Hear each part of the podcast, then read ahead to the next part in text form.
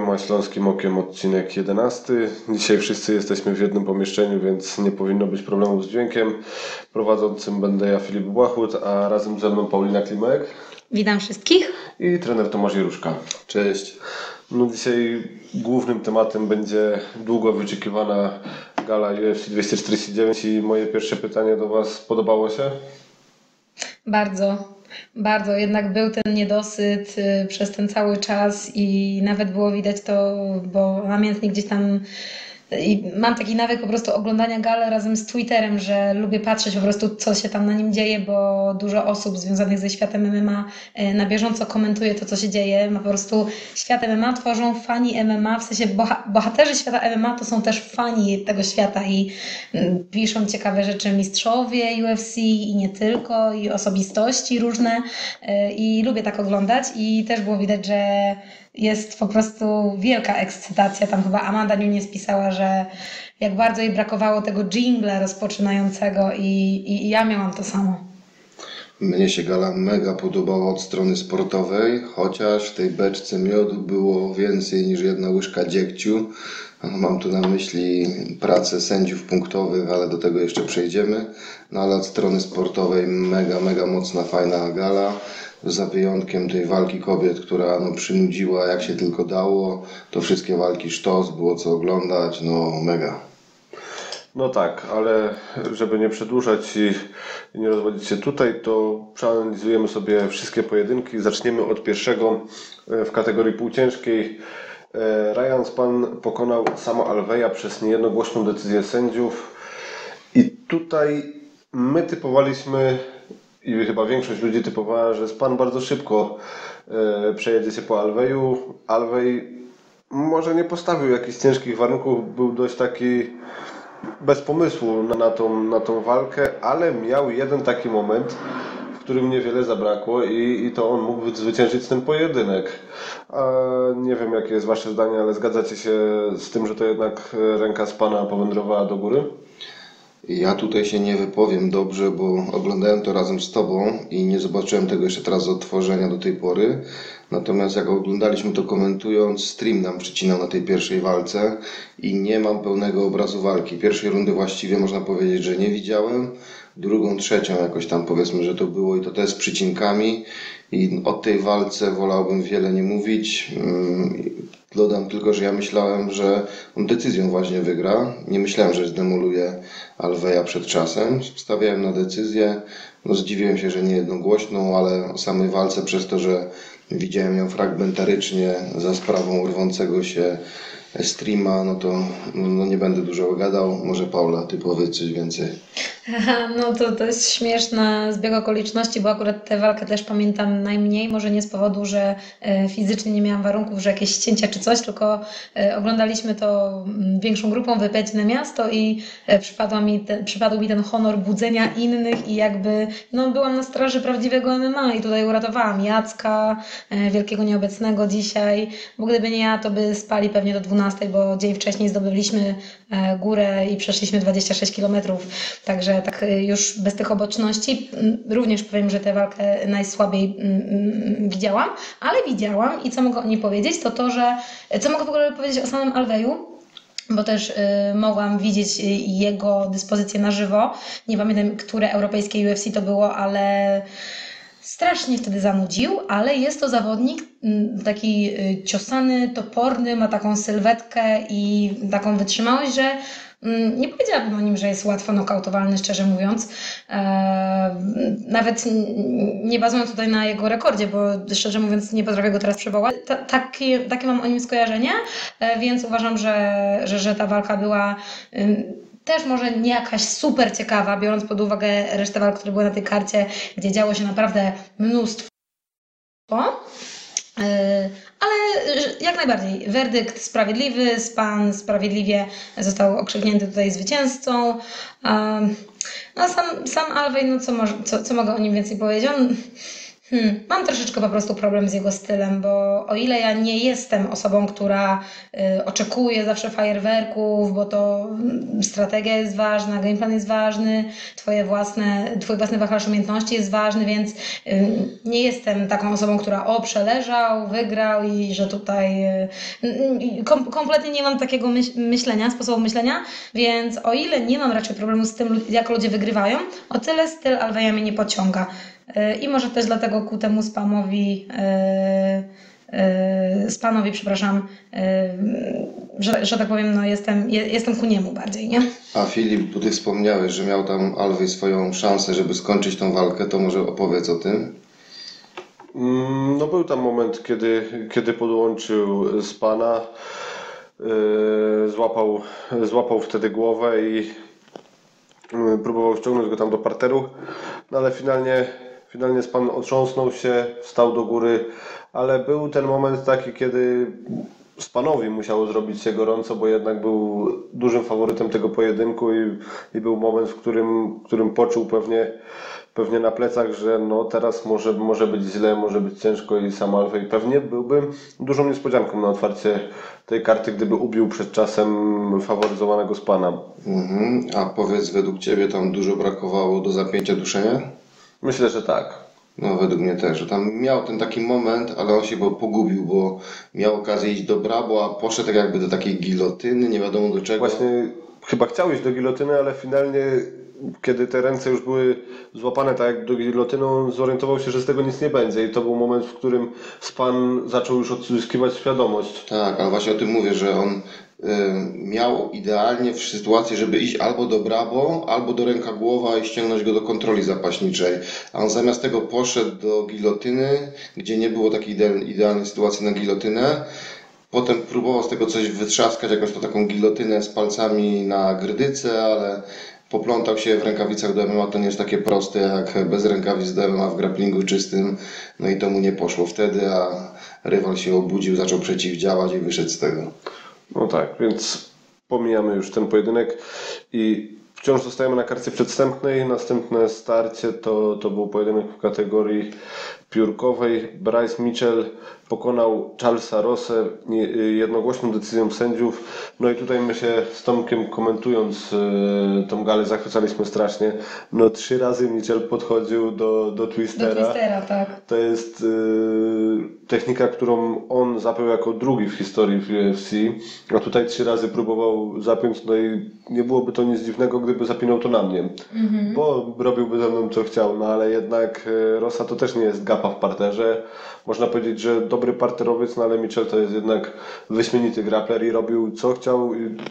No myśmy to już też wspominali wczoraj właśnie w transmisji, że to był swego rodzaju gwałt, gwałt parterowy i tutaj decyzja sędziów jak najbardziej słuszna. 30-25 dwa razy i 30-24. Tak, tak też typowałam yy, personalnie i też mnie zachwycił, pomimo, że moje serce należy do stójki, zachwycił mnie ten pojedynek, yy, ale powiem Wam, no może tutaj jest rola płciowości i, i tego, że inaczej się rządzą yy, trochę psychiki pomiędzy płciami, ale ja strasznie empatycznie podchodziłam do tego Rosy, przede wszystkim dlatego, że wiem, jak mi się tyłek pali, kiedy ja jestem, kiedy ja sparuję mm, ala graplersko, bo fachowo jednak nie można tego nazwać typowym sparym BJJ, ale jak coś tam sobie właśnie próbuję yy, i właśnie jestem w podbrankowej sytuacji, że jest próba dźwigni, próba duszenia, yy, tutaj jest zapinanie techniki kończące, to dla mnie to jest tak wielka umiejętność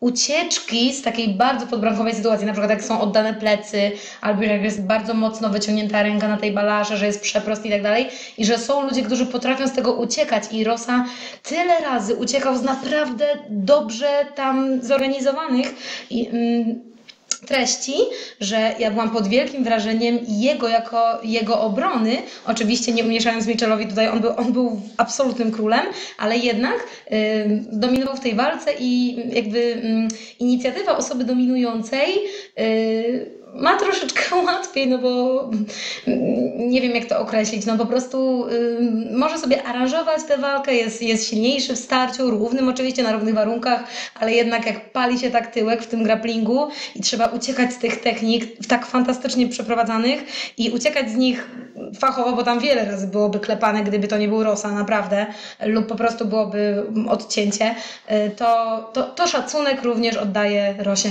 naprawdę.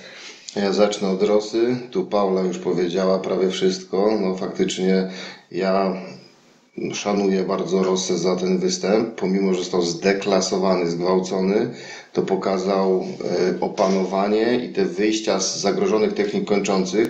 Jeden trójkąt był zapięty tak ciasno, że wyglądało, że nie wyjdzie z tego. Tych trójkątów było tam ze cztery razy rękami zapinane, z czego jeden tak ciasno, że nie wiem, jak on z tego wyszedł.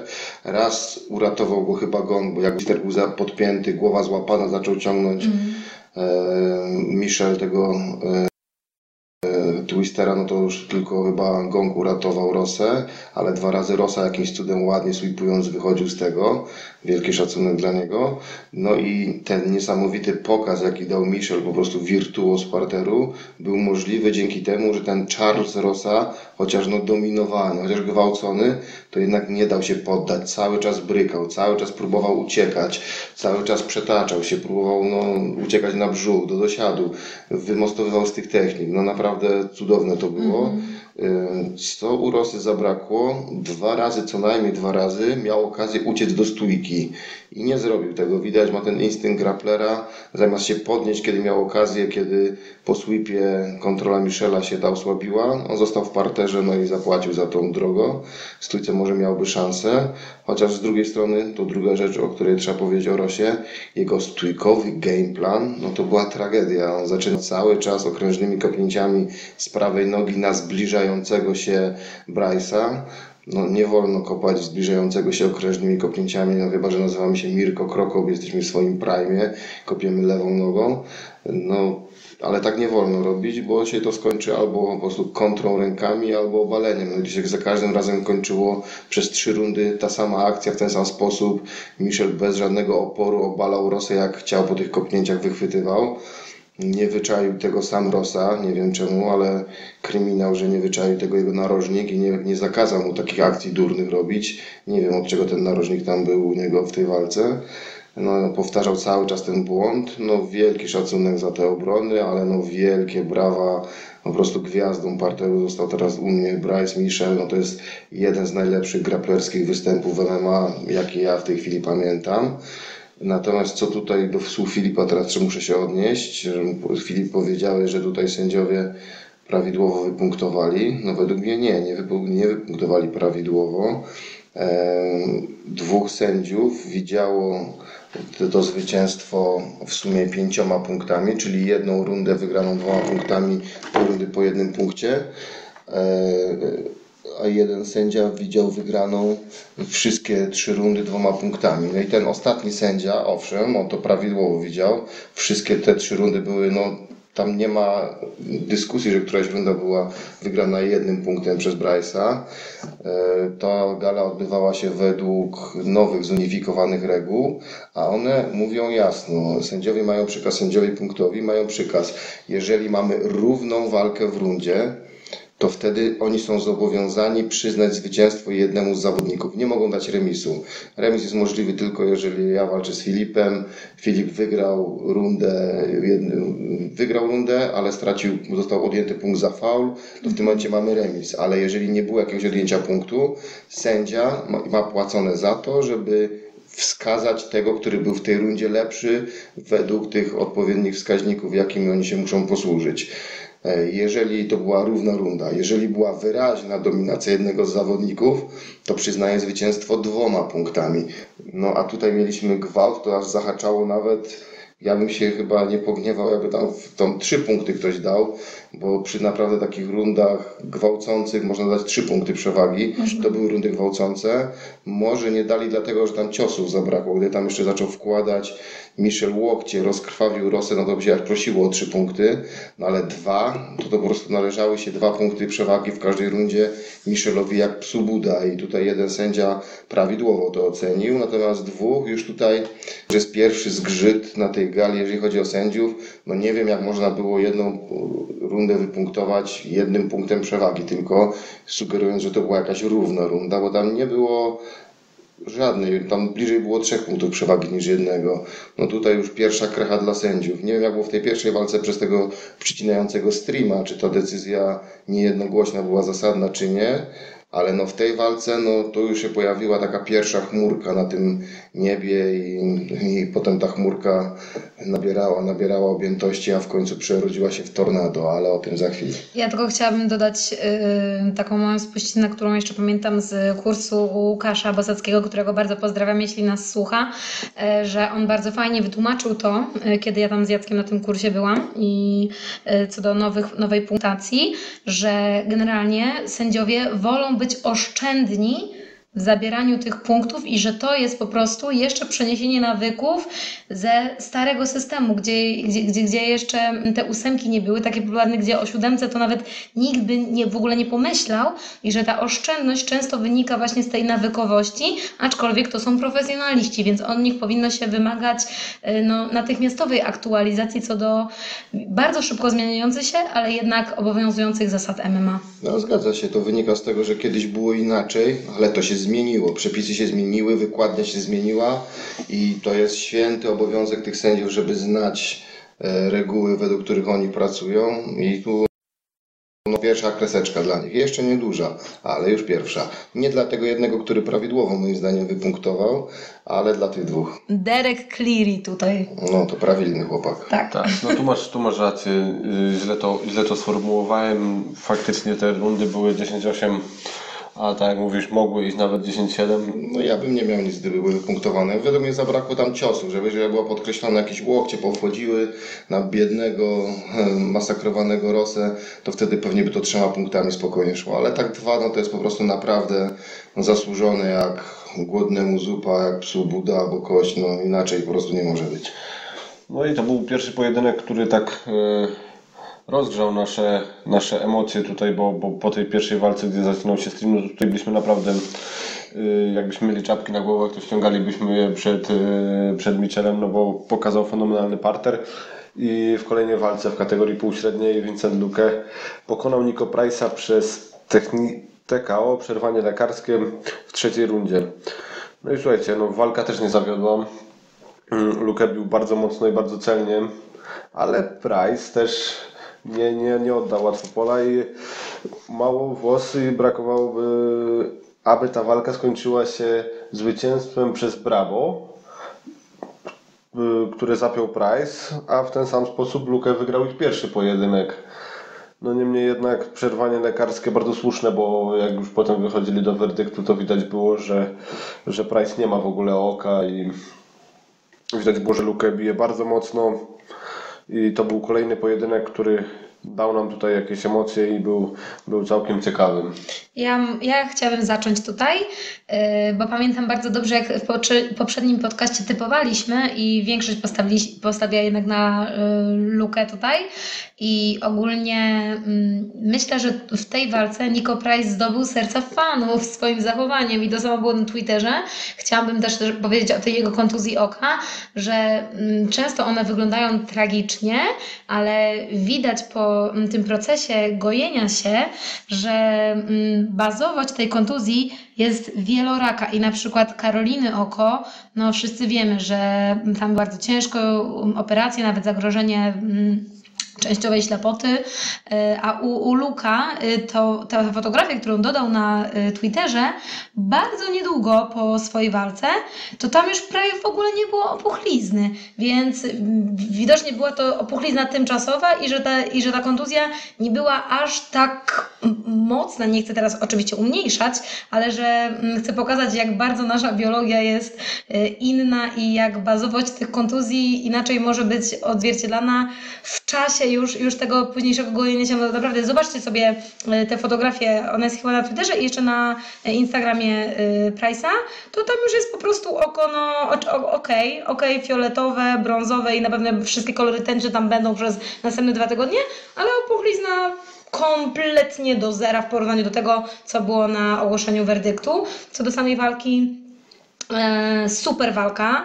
E, no, typowanie się powiodło. E, fajny sportsmanship, fajne oddanie szacunku pomiędzy sobą, żartowanie, pokazywanie min. Bardzo mi się udzielają zawsze takie około sportowe, przyjemne akcenty i to jeszcze dodaje Mm, po prostu daje przyjemność ku, ku, ku oglądaniu takich e, fantastycznych pojedynków. A powiedz Paula, orientujesz się to zdjęcie, kiedy już nie było tej opuchlizny, w jakim czasie po walce było zrobione? No właśnie bardzo szybko zostało opublikowane, więc e, przy że jeszcze szybciej zostało zrobione. No, logika nakazuje tak właśnie myśleć. A bardzo szybko to ile? E, wiesz co, nie, nie jest to krótkie, nie jest to ciężkie, żeby sprawdzić, także daj mi chwilkę, ale może teraz na przykład nie powiem dlaczego, Ja powiem dlaczego pytam, tak, tak. mnie to interesuje, bo no, kilka razy na różnych galach no, zdarzyło mi się, że ktoś miał takie właśnie bardzo podobne wydarzenie. Miał takie oko zamknięte. Raz się zdarzyło, że ja takie miałem i da się to wyleczyć w cudzysłowie. Ja to robię, ściągam sobie z tego ten płyn, który się tam zbiera, tylko tego nie można robić zaraz po, e, ale dasz radę sprawdzić w jakim to okresie po.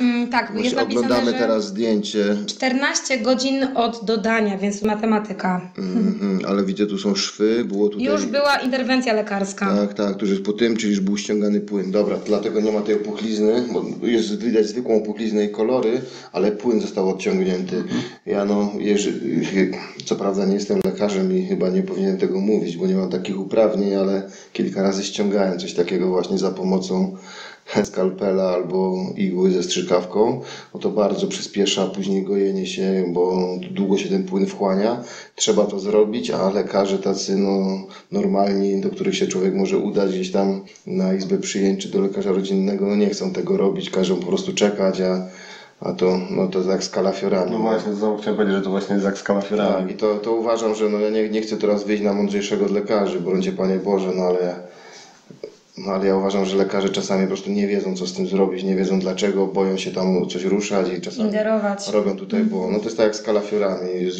jest paru lekarzy, trafiłem, którzy po prostu wzięli strzykawę, ściągnęli kalafiora, było dobrze.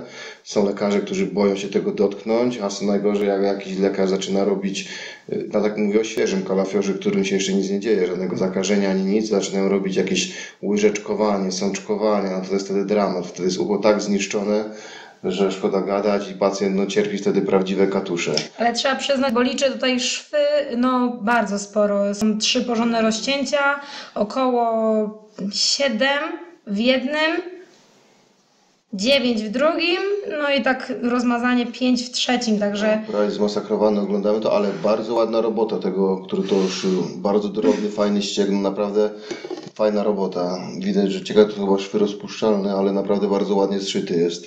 Jeszcze ma szew na nosie. Drobnym, gęstym ściegiem. Te blizny będą takie, jak się zastosuje jeszcze dobre masie, minimalne, bo parę razy spotkałem się, nawet teraz mi tak sam zostałem zaszyty ściegiem Frankensteina to powód. No musiałem później sam sobie to rozcinać i udać się do innego lekarza, który mi to jeszcze raz szył, bo no, wyglądało to po prostu przestrasznie. No, czasami lekarz też musi mieć taki trochę talentu do zaszywania, bo, bo może to źle wyglądać. Zahaczyliśmy trochę takie medyczne tematy, tutaj ściąganie płynów kalafiory. Ale dobrze, tak, tak, pewnie, że tak. Ludzie wiedzą, no, w UFC mają ten plus, że tam mają naprawdę solidną obsługę medyczną przy tej gali i to tam właśnie widać było jak, jak ładnie pokacero, po, poszyty, pocerowane, pościągane wszystko Teraz tylko czekać, aż się wygoi. No my tu w Polsce bardzo często mamy dużo gorzej. Teraz, od, jak ja pamiętam stare czasy, jak było dużo gorzej to wyglądało, samiśmy sobie nosy nastawiali, no, no po prostu dlatego, że no, nie dało się inaczej po prostu. Eee, sami no, zakładaliśmy sobie te stripy zamiast szwu, właśnie ściąganie kalafiorów samemu to jest norma. No, kupę takich medycznych czynności musieliśmy i nawet często dalej musimy sami wykonywać. Nie dlatego, że chcemy być mądrzejsi od lekarzy, tylko dlatego, że w naszym systemie, no niestety w realiach polskiej służby zdrowia, no nie mamy po prostu innego wyjścia, bo gdybyśmy chcieli polegać na tej służbie zdrowia, no to no to byłaby lipa. I to nie lekarzy obrażając, ale no mamy ten system bardzo słabo wydolny. O tym już mówiliśmy tutaj w tych podcastach też już nie raz. No i tak to niestety wygląda. No jak będzie kiedyś jakiś dłuższy podcast, to parę historii mogę ciekawych opowiedzieć. Tu już się zbiera tych dodatkowych tematów na podcasty, już ludzie się domagają tego dopingu. No, tak. Nie wiem, czy chcą go wykorzystać w celach, w celach pomocniczych, jak, jak zostać młodym sterydziarzem. To, mo- to może po prostu zbierajmy to i każdy odcinek jubileuszowy będzie tymi, tym workiem zbior tych takich pobocznych tematów. Nie no, na, A propos to jeszcze nie, nowe pytania mi przybyły na, po tej naszej transmisji na mój prywatny Facebook. E, słuchajcie, e, kochani, wysyłajcie pytania na naszej grupie MMA Polska i Świat najlepiej. A jeżeli Albo nie pod należycie każdym do, podcastem. Tak, jeżeli nie należycie do tej grupy, to najlepiej w komentarzach pod podcastem. Będzie dużo sprawniej, szybciej. No, dzięki za te pytania wszystkie i tam a ty masz te pochwały. pytania ze sobą? Nie, nie, nie mam. Znaczy mam telefon, może zobaczę, czy na telefonie. Jak starczy czasu, to, to Ale może... to może by to innym razem zrobił, bo tego się zbiera dużo, a my mamy dzisiaj czas ograniczony. Niemniej e, no, do czegoś dążyłem i się pogubiłem. No w każdym razie no, odpowiem na to innym razem. A było o dopingu. A o dopingu było, bo też do, doping to jeszcze w dzisiejszym podcaście też będzie dwa słowa o dopingu. Dojdziemy do tego. No to słuchajcie, sprawnie przejdziemy do kolejnego pojedynku. Karla Esparza pokonała Michelle Watterson niejednogłośną decyzją sędziów. No i my tutaj uznaliśmy chyba, nie wiem czy Paula zgodzi się z nami, ale chyba najgorsze starcie na tej gali. Nudy, nudy, nudy. Nie, oczywiście nie, nie chcę być na jakiegoś hejterka i w ogóle, ale każdy ma swoje standardy oglądania i e, tutaj też, też zgadzam się z Wami jednogłośnie. E, Oznajmiam, że dla mnie to też była najnudniejsza, e, najnudniejszy pokaz. Tutaj social distancing w czasach koronawirusa Tak. został zastosowany. Po prostu dziewczyny z tak małymi zasięgami, jeszcze 3 metry od siebie, w ogóle prucie powietrza. No, generalnie przepraszam, ale Michalina Waterson, co ty wyczyniałaś? Yy, Co ty miałaś na myśli? Robiąc naprawdę całkiem fajną walkę z Joanną Jędrzejczyk, pięciorundową, zachodząc jej za plecy, pokazując się jako atomówka naturalna, naprawdę fajnie. A tutaj ze Sparzą, no. Co, co ty chciałaś? Co ty, co, co, tlen chciałaś pobić w powietrzu, czy, czy no nie wiem. Wygrała z cieniem, to na pewno. Tak, tak, oczywiście. No ale co powiem tak, y, Esparza w ogóle nie zachwyca, w ogóle nie rokuje, w ogóle nie robi żadnego postępu. y, Ten jej w ogóle pik bycia mistrzynią wtedy jak udusiła na Majona Serirnej czołku i od tamtego czasu no nic się u tej zawodniczki nie zmienia, oprócz tego, że się starzeje. No i te, ten matchup był taki, e, ja, ja, ja, ja myślałam, że karate chodzi ogarnie. Ja wręcz jestem zszokowana i Michalina też była w ogóle zszokowana. Tam jest takie fajne zdjęcie na Twitterze, e, gdzie jest, gdzie, gdzie jest ta, taka rozdziwiona mina Michelle, że co, że, że czemu taki werdykt. Nie wiem, czy to było reżyserowane, czy ona rzeczywiście tak uważała, ale mimo wszystko uważam, że decyzja jest y, słuszna. Ale też ja zawsze mam problem z takimi, z punktowaniem takich e, właśnie mało bogatych w cokolwiek e, pojedynków. Dlatego zostawiam Wam głos. Mhm, no to nie ma co wiele dodawać. W sumie nie wiedziałem, dlaczego one robią walkę z cieniem zamiast walki, ale to teraz mi Paula uświadomiła, że faktycznie są czasy koronawirusa. Może one rzeczywiście nie chciały podchodzić do siebie, żeby się nie zarazić, a te próby mieszania powietrza nogą to były po to, żeby odgonić te wirujące w powietrzu wirusy. Bardzo możliwe, że tak było. No te kopnięcia Waterson, którą faworyzowaliśmy przed tą walką w powietrze w dystansie tak odległym, że szkoda gadać, te wejścia, esparzy, szarże po nogę na wysoko z dystansu, sygnalizowane straszliwie i to jeszcze najgorsze, że to one czasami wchodziły po prostu. Nie, no to było tak słabe, Ale- że szkoda gadać. A co, bo teraz patrzę na te karty sędziowskie, to była niejednogłośna decyzja, no i No, przy tej walce to ciężko tam już o czymkolwiek mówić. Wiem, że sędziowie mogli mieć tu problem, ale już tutaj znowu widać, że coś tu jest nie tak z sędziami, bo tutaj taka duża rozbieżność pomiędzy nimi była. Dwóch sędziów W tutaj. drugiej rundzie mówisz, tak? Tak, tak, no to takie, no to ci sędziowie, już- ja nie chcę analizować, który tu miał rację, bo spuśćmy kurtynę milczenia nad tą walką, ale sama ta rozbieżność na ich kartach świadczy o tym, że no tutaj coś, Nie byli w formie. coś ci sędziowie inne, inne walki oglądali, nie wiem, monetą rzucali, coś tutaj nie tak było. Ja tylko chciałam Wam wszystkim powiedzieć, że jeżeli chcecie e, o, słuchać nas i oglądać te karty, to jest świetny tutaj e, Martyna przygotowała post na Indecage na www, wejdźcie sobie i jest cały artykuł, rozwiewamy wątpliwości, wszystkie karty punktowe. My teraz z tego korzystamy. Jest to jak na lekarstwo tutaj dla nas e, małe, ale konkretne i bardzo, bardzo pomocne. Dlatego jeżeli chcecie nas słuchać i również widzieć te karty, to polecam po prostu to włączyć. Tak z technicznej uwagi. Ja jeszcze co do Waterson chciałbym wrócić, że kiedy ona kopnięciami pruła w powietrze, te kopnięcia były imponujące, a kiedy tymi kopnięciami już trafiała raz na jakiś czas Esparze, to one były tak nieudolne, że, że aż to brzydko się na to patrzało. Ja tylko chciałam powiedzieć, że jedna rzecz była fajna Waterson, nie wiem czemu skorzystała tego, no właśnie ten social distancing chyba po prostu y, zaprzepaścił całą szansę, ale miała bardzo fajne kolana w klinczu. Jak już tam gdzieś była blisko i, i wsadziła to, to swoją czwórkę wielkości arbuza w klatkę piersiową y, Esparzy, to to siadało. Nawet tam był taki moment, że, że Esparza y, przy, przycupnęła po takim kolanie, jakby osunęła się na, na matę i to był efekt właśnie tego uderzenia, a nie, a nie jakiejś anatomicznej tutaj y, braku równowagi, więc może po prostu zły game plan, no ja nie wiem, ale te kolana naprawdę były Naprawdę były spoko, nie? Tylko było ich malutko, nie? Nie wystarczyły one, tak, ty, tak nie wygrasz. Nie? Tam wszystkiego. Tam było wszystkiego mało, tak. No. Kolejne starcie. Aleksiej Olejnik pokonał Fabricio Verduma niejednogłośną decyzją sędziów. I tutaj my typowaliśmy, że Verdum jest w każdej płaszczyźnie lepszy, że no nie ma podjazdu do niego Olejnik, mimo że, że Tomek mówił podczas transmisji, że lubi bardzo Olejnika, ale nie daje mu tam szans. No a tutaj ta stójka chaotyczna, bo chaotyczna też obszerne cepy, gdzieś tam bite za ucho, ale to wszystko, wszystko siadało na szczękę Verduma. Verdum przyjmował te ciosy, był defensywnie, defensywna stójka Verduma była dramatyczna. Gdzieś tam potem były sprowadzenia, próby balachy też trochę niepotrzebne, bo chciał te balachy wyciągać z przeróżnych pozycji, ale finalnie tutaj ja myślę, że Olejnik zasłużeniem. No ja jak najbardziej zasłużenie. Co do tej walki, to właśnie wspominałem, że będę mówił o dopingu, właśnie teraz będę mówił o dopingu, bo przy, faktycznie faworyzowałem bardzo mocno Verduma i nie widziałem możliwości zwycięstwa Olejnika w tej walce, poza jednym, jedynym wyjątkiem. Verdum powracał po trzyletniej przerwie spowodowanej innymi dwuletnim zawieszeniem za doping, a cały czas w gazie był olejnik. E, No i zastanawiałem się, jak będzie wyglądał Verdum po tym, jak wróci, prawdopodobnie odstawi te środki, na których był złapany.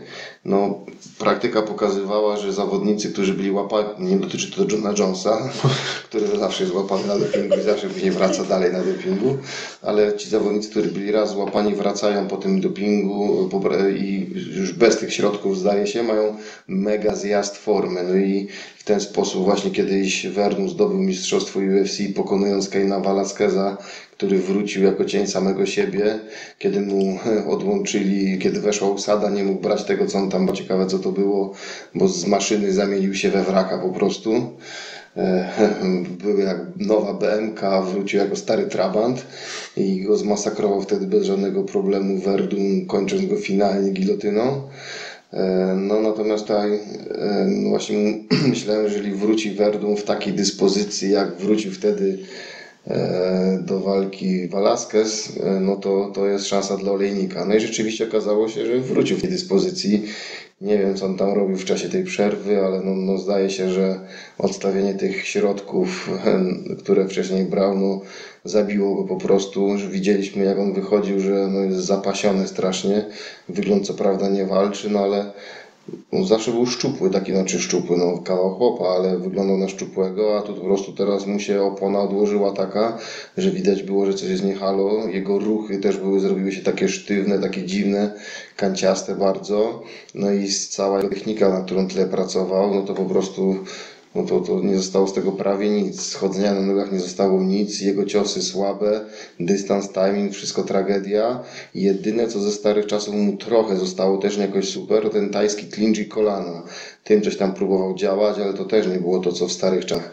W parterze, tak jak Filip wspomniałeś, to tam jeszcze kiedy już desperacko próbował, wiedział chyba, że przegrywa na punkty, próbował to odwrócić w parterze, kręcąc się do jakichś dźwigni tam razem do tej balachy wyglądało, że mało brakło, ale z drugiej strony olejnika poddać się chyba nie da. Dlatego konstrukcja ciała boa Kimura była taka. że tak, Kimura była Kimura blisko, była- balacha też się no. raz wydawało, ale olejnik wyszedł sobie ze wszystkiego, nie założyć dźwigni wężowi boa, no po prostu nie mam na co tej dźwigni założyć, to na to wychodzi. E, Weszły obalenia e, Werdumowi w tej walce, ale to nie dlatego, że Werdum te obalenia zrobił tak dynamicznie, technicznie i w tempo, tylko po prostu, że olejnik no, ma te zapasy arcytragiczne, tak ofensywne jak defensywne, dało się balać, ale że po prostu tymi swoimi takimi dziwnymi, sztywnymi ciosami rozbijał w stójce jak chciał Verduma, no to bardzo źle świadczy o Verdumie. I w tym pojedynku dwóch 42-latków no, pokazało się, że jeden z nich, ten z Brazylii, już powinien naprawdę iść na emeryturę i zaraz no, odcinać kupony ze swojej kariery. Nie wiem, komentując tam walki w Brazylii, klub prowadząc cokolwiek, ale no ja na razie już, no nie, nie na razie, ja już nie chcę oglądać Verduma. Lubiłem go tam kiedyś, naprawdę miał ten swój moment, gdy pokonał Velasqueza, to naprawdę był, płonął wtedy bardzo jasno i to nie było w sumie aż tak dawno temu, ale teraz to jest przeterminowany, przeterminowany zawodnik, a Olejnik jeszcze, jeszcze może tym swoim przedziwacznym stylem, ale no kto wie, może jeszcze coś tam gdzieś ugra, ja będę trzymał za niego kciuki. Co ciekawe, Olejnik de- jak debiutował w, zawodowym MMA, to UFC miał dopiero 3 lata. Prezydentem Stanów Zjednoczonych był Bill Clinton, a Max Holloway chodził dopiero do przedszkola. Max Holloway y, przestał już być mistrzem kategorii piórkowej, a Olejnik y, dalej zwycięża walki w UFC z Fabricio Verdumem, więc kawał historii. Zgadza się, szanuję obydwu, ale Olejnika podziwiam wyjątkowo. I jeszcze na koniec znowu mamy sędziowie, decyzja split. Oczywiście w tej walce. Znowu sędziowie, no, no niedogadani, jak na tej gali cały czas, no, ani jednomyślności wśród sędziów cały czas nie ma, no, jeden widzi tak, drugi widzi tak, tu jakiś program losu decyzji chyba był zaprzęgnięty, bo Tym bardziej tutaj pierwsza runda punktowana dwóch sędziów 10-9 dla Verduma. To pierwsza runda to była deklasacja olejnika. No to Olejnik go ładował, no nie, no po prostu to, to żart. I ten, ale bardzo ponury się robi coraz, im dalej w gale, tym Tak. ten żart coraz bardziej ponury. Ale właśnie, y, co jest zaskakujące, ja ciągle patrzę na nazwiska na tych kartach punktowych i jest bardzo dużo zaprzęgniętych pod taką pojedynczą galę y, innych sędziów, bo tutaj rzadko kiedy. Dopiero teraz widzę, że Chris Lee się drugi raz pojawia, a tak to są ciągle inne nazwiska. I oni nadal są tacy niezgodni. To, to Bo był to nie są taki... żywi ludzie, to są programy losujące. No Tam właśnie. karty były I drukowane. tylko sadzają aktorów koło, ten, koło oktagonu. Makiety. Kolejna walka, a e, także main event karty wstępnej, której sędziowie również odegrali mm, dużą rolę. Kluczową. Antony Pettis pokonał Donalda Cerrone jednogłośną decyzją sędziów. No właśnie, czy Antony Pettis faktycznie pokonał Donalda Cerrone? E, tak, pokonał go naprawdę bez, bez żadnego wątpliwości w ich pierwszej walce. Znokautował go kopiąc go na tułów, pozbawiając oddechu i dobijając w parterze, kiedy bezbronny cowboy był w żółwiu. No to było bezapelacyjne zwycięstwo Petisa już ładnych lat temu. Natomiast teraz sędziowie widzieli zwycięstwo Petisa i to jeszcze jednogłośną decyzją w dodatku. Jak oni oni to widzieli, co oni widzieli, oni może oglądali tą ich poprzednią walkę, no ja tego nie potrafię wyjaśnić. To była świetna walka, no raz będę się roztrząsał tą decyzję, bo ona tak y, zaczyna dominować nad całym obrazem walki, a tu musimy powiedzieć, że po prostu Cowboy powrócił jak Feniks z popiołów, dał mega dobrą walkę, konsekwentnie, no, naprawdę jak stary Cowboy w starych czasach, dwie pierwsze rundy, no miał pomysł na walkę, narzucał swój, y, swoje tempo, ładnie ładnie kontrował wszystkie te akcje. Ceroniego nie dawał mu rozwinąć skrzy... Ceroniego, przepraszam, Petisa nie dawał mu rozwinąć w ogóle swoich skrzydeł. E, Petis, który ma te flow w tych kopnięciach, no po prostu nie mógł nic z tego zastosować. Jego te wszystkie znaczące uderzenia to de facto były wszystko w jakąś gardę szło, tam bardzo mało celnie Kowboja trafiał, a Kowboj miał te swoje czyste trafienia. E, Trzecia runda się odwróciła, była mega fajna, mega dramatyczna, bo tutaj Petis się zerwał, podłączył Kowboja, trafił go w oczodu. Tam był nawet taki moment, że no nie wiem, czy sędzia nie powinien tego przerwać, bo e, Kowboj krzyczał, że coś tam, że stop, chciał przerwania walki, sugerując, że dost- pokazał, że dostał palcem w oko. Nie wydaje mi się, żeby dostał palcem w oko, ja tego nie widziałem. Widzieliśmy te powtórki, ja się tam doszukałem palca, ty i, i Malina. A, znaczy też nie będę Ty i Malina mówiliście, że jednak pięć, więc Mi się wydawało, że pięć, znaczy nie będę się kłócił, bo może tam faktycznie coś było, ale chodzi mi o to, że Cowboy krzyczał stop. Więc sędzia e, powinien przerwać tą walkę, skoro zawodnik krzyczy, to powinien przerwać, powinien sprawdzić chociażby z odtworzenia, czy tam był palet, czy tam była pięść. Jeżeli była pięść, no to Cowboy to powinien przegrać przez poddanie, no bo krzyczał stop. Jeżeli tam był palec, no to powinno być procedura jak w tym palcu. No ale tego nie przerwał, a skoro tego nie przerwał, walka doleciała do końca, no i powinna być oceniona. Trzecia runda, dramatyczna i w ogóle, chociaż Cowboy też ma swoje akcje. Okej, dla, dla Ceroniego. Dwie pierwsze rundy, no kto to dał? E, przepraszam, dla Petisa trzecia runda. Kto dał dwie pierwsze rundy tam Petisowi, no to ćpał klej, nie oglądał tej walki, no nie rozumiem tego po prostu. Przepraszam. no, no, no, Ale ja- to ja jest dobre hasło. Sędziowie podczas UFC 249 spali klej. Nie spajcie kleju. To jest No. bardzo niezdrowe i robi dziury w mózgu. No dokładnie, nie, ja tam nie podejrzewam, żeby jakąś kokainę, bo kokaina podobno wyostrza zmysł, człowiek jest bardziej spostrzegawczy potem, więc to musiał być klej, ja przypuszczam po prostu. No. E, Co ciekawe, no, spotkałem się z jakąś opinią młodego zawodnika ode mnie z klubu, Tak. jest co prawda fanem Petisa, Proca, dzisiaj na treningu się spotkaliśmy, on twierdzi, że on punktował to na Petisa, nawet dawał swoje tam argumenty, no Ja sobie jeszcze raz tą walkę z otworzenia zobaczę, ale nie no, ja to oglądałem bardzo uważnie na żywo wtedy. No tam nawet nie było podejścia, po prostu te, to, no nie, no. Dwie pierwsze rundy są dla Kowboja, a ta trzecia runda dla Petisa to też nie była jednostronna runda. Na pewno nie mogła być dwoma punktami, bo przynajmniej Kowboj miał tego high kicka, który wstrząsnął, on kontrował. Kiedy przestał widzieć Kowboj, zaczął się gwałtownie atakować. Bardzo fajna taktyka. No i Kiedy końcówka rundy broń się. Jak najlepiej się bronić? Atakować. Końcówka trzeciej rundy to też było już dla Kowboja. Tak, tak, tam Cowboy te i cała runda ok, dobrze, ale na pewno nie dwoma punktami. To jest jednym punktem dla, e, dla Petisa. Być może błąd sędziego, że nie zareagował na ten okrzyk stop Ceroniego. No możliwe, że tak, ale skoro nie zareagował, skoro przeszło to do końca, no to należy tak oceniać. No i Latrio El Zodiaco sędziowskie, no wymodziło z tego jednogłośną decyzję. Już nawet nie zachowali tej przyzwoitości, żeby z tego nie jednogłośną zrobić, czy cokolwiek. Nie, no to, to po prostu jest, no... No, ale takie jeszcze ze, ze smaczków sportowych, jak już tutaj na Paulinkę Klimek przystało, yy, również yy, foto na Twitterze, razem yy, w hotelu po, po, po, po całym ambarasie. Yy, Cerone pije sobie no, piwo, jak to w zwyczaju yy, kowboja Cerone, Petys jakiś tam, jakiś tam izotonik, ale no, w objęciach, wszystko w porządku, yy, więc między pan, panami nie ma żadnej waśni i był spędzony razem jakiś taki skromny afterek. Ja tylko chciałam jeszcze dodać, że y, pamiętajmy to nazwisko Keitha Petersona, który, czyli takiego, tego, tego, takiego niższego, korpulentnego, że tak powiem, y, sędziego ringowego, bo to nie pierwszy raz, gdzie mamy zgrzyty z kolei z jego pracy, czyli tutaj nie dość, że troszeczkę narzekanko na punktowych, to ci ringowi, a dokładnie pan Peterson mm, też, też, też Nazwisko- mieli, maj, mają swoje za uszami. Nazwisko y, pana Petersona pojawi się jeszcze przy jednej Tak, z walk tak. dzisiaj, bo... Dlatego mówię, zapamiętajcie. Tak. No i teraz od strony sędziowskiej tu mamy wiele zastrzeżeń do tej punktowej, natomiast od strony takiego fair play podejścia tych zawodników to naprawdę nie można mieć nic, bo to naprawdę zawodnicy fajnie walczyli, zawsze na koniec były uśmiechy, podziękowania, ale zwróciliście uwagę na reakcję zawodników czekających na decyzję, stoją Petis i Cerone. Petis był zdziwiony. Jest decyzja jednogłośna. Kowboj już uśmiechnięty, zadowolony. Petty stoi z tą kwaśną miną, że przegrał. Słyszą decyzję, Kowbojowi szczęka opada. A Pettis Oczy takie ładne, Pettisa tak. perzy, to dokładnie. Nie? Tak zdziwieni byli chłopacy.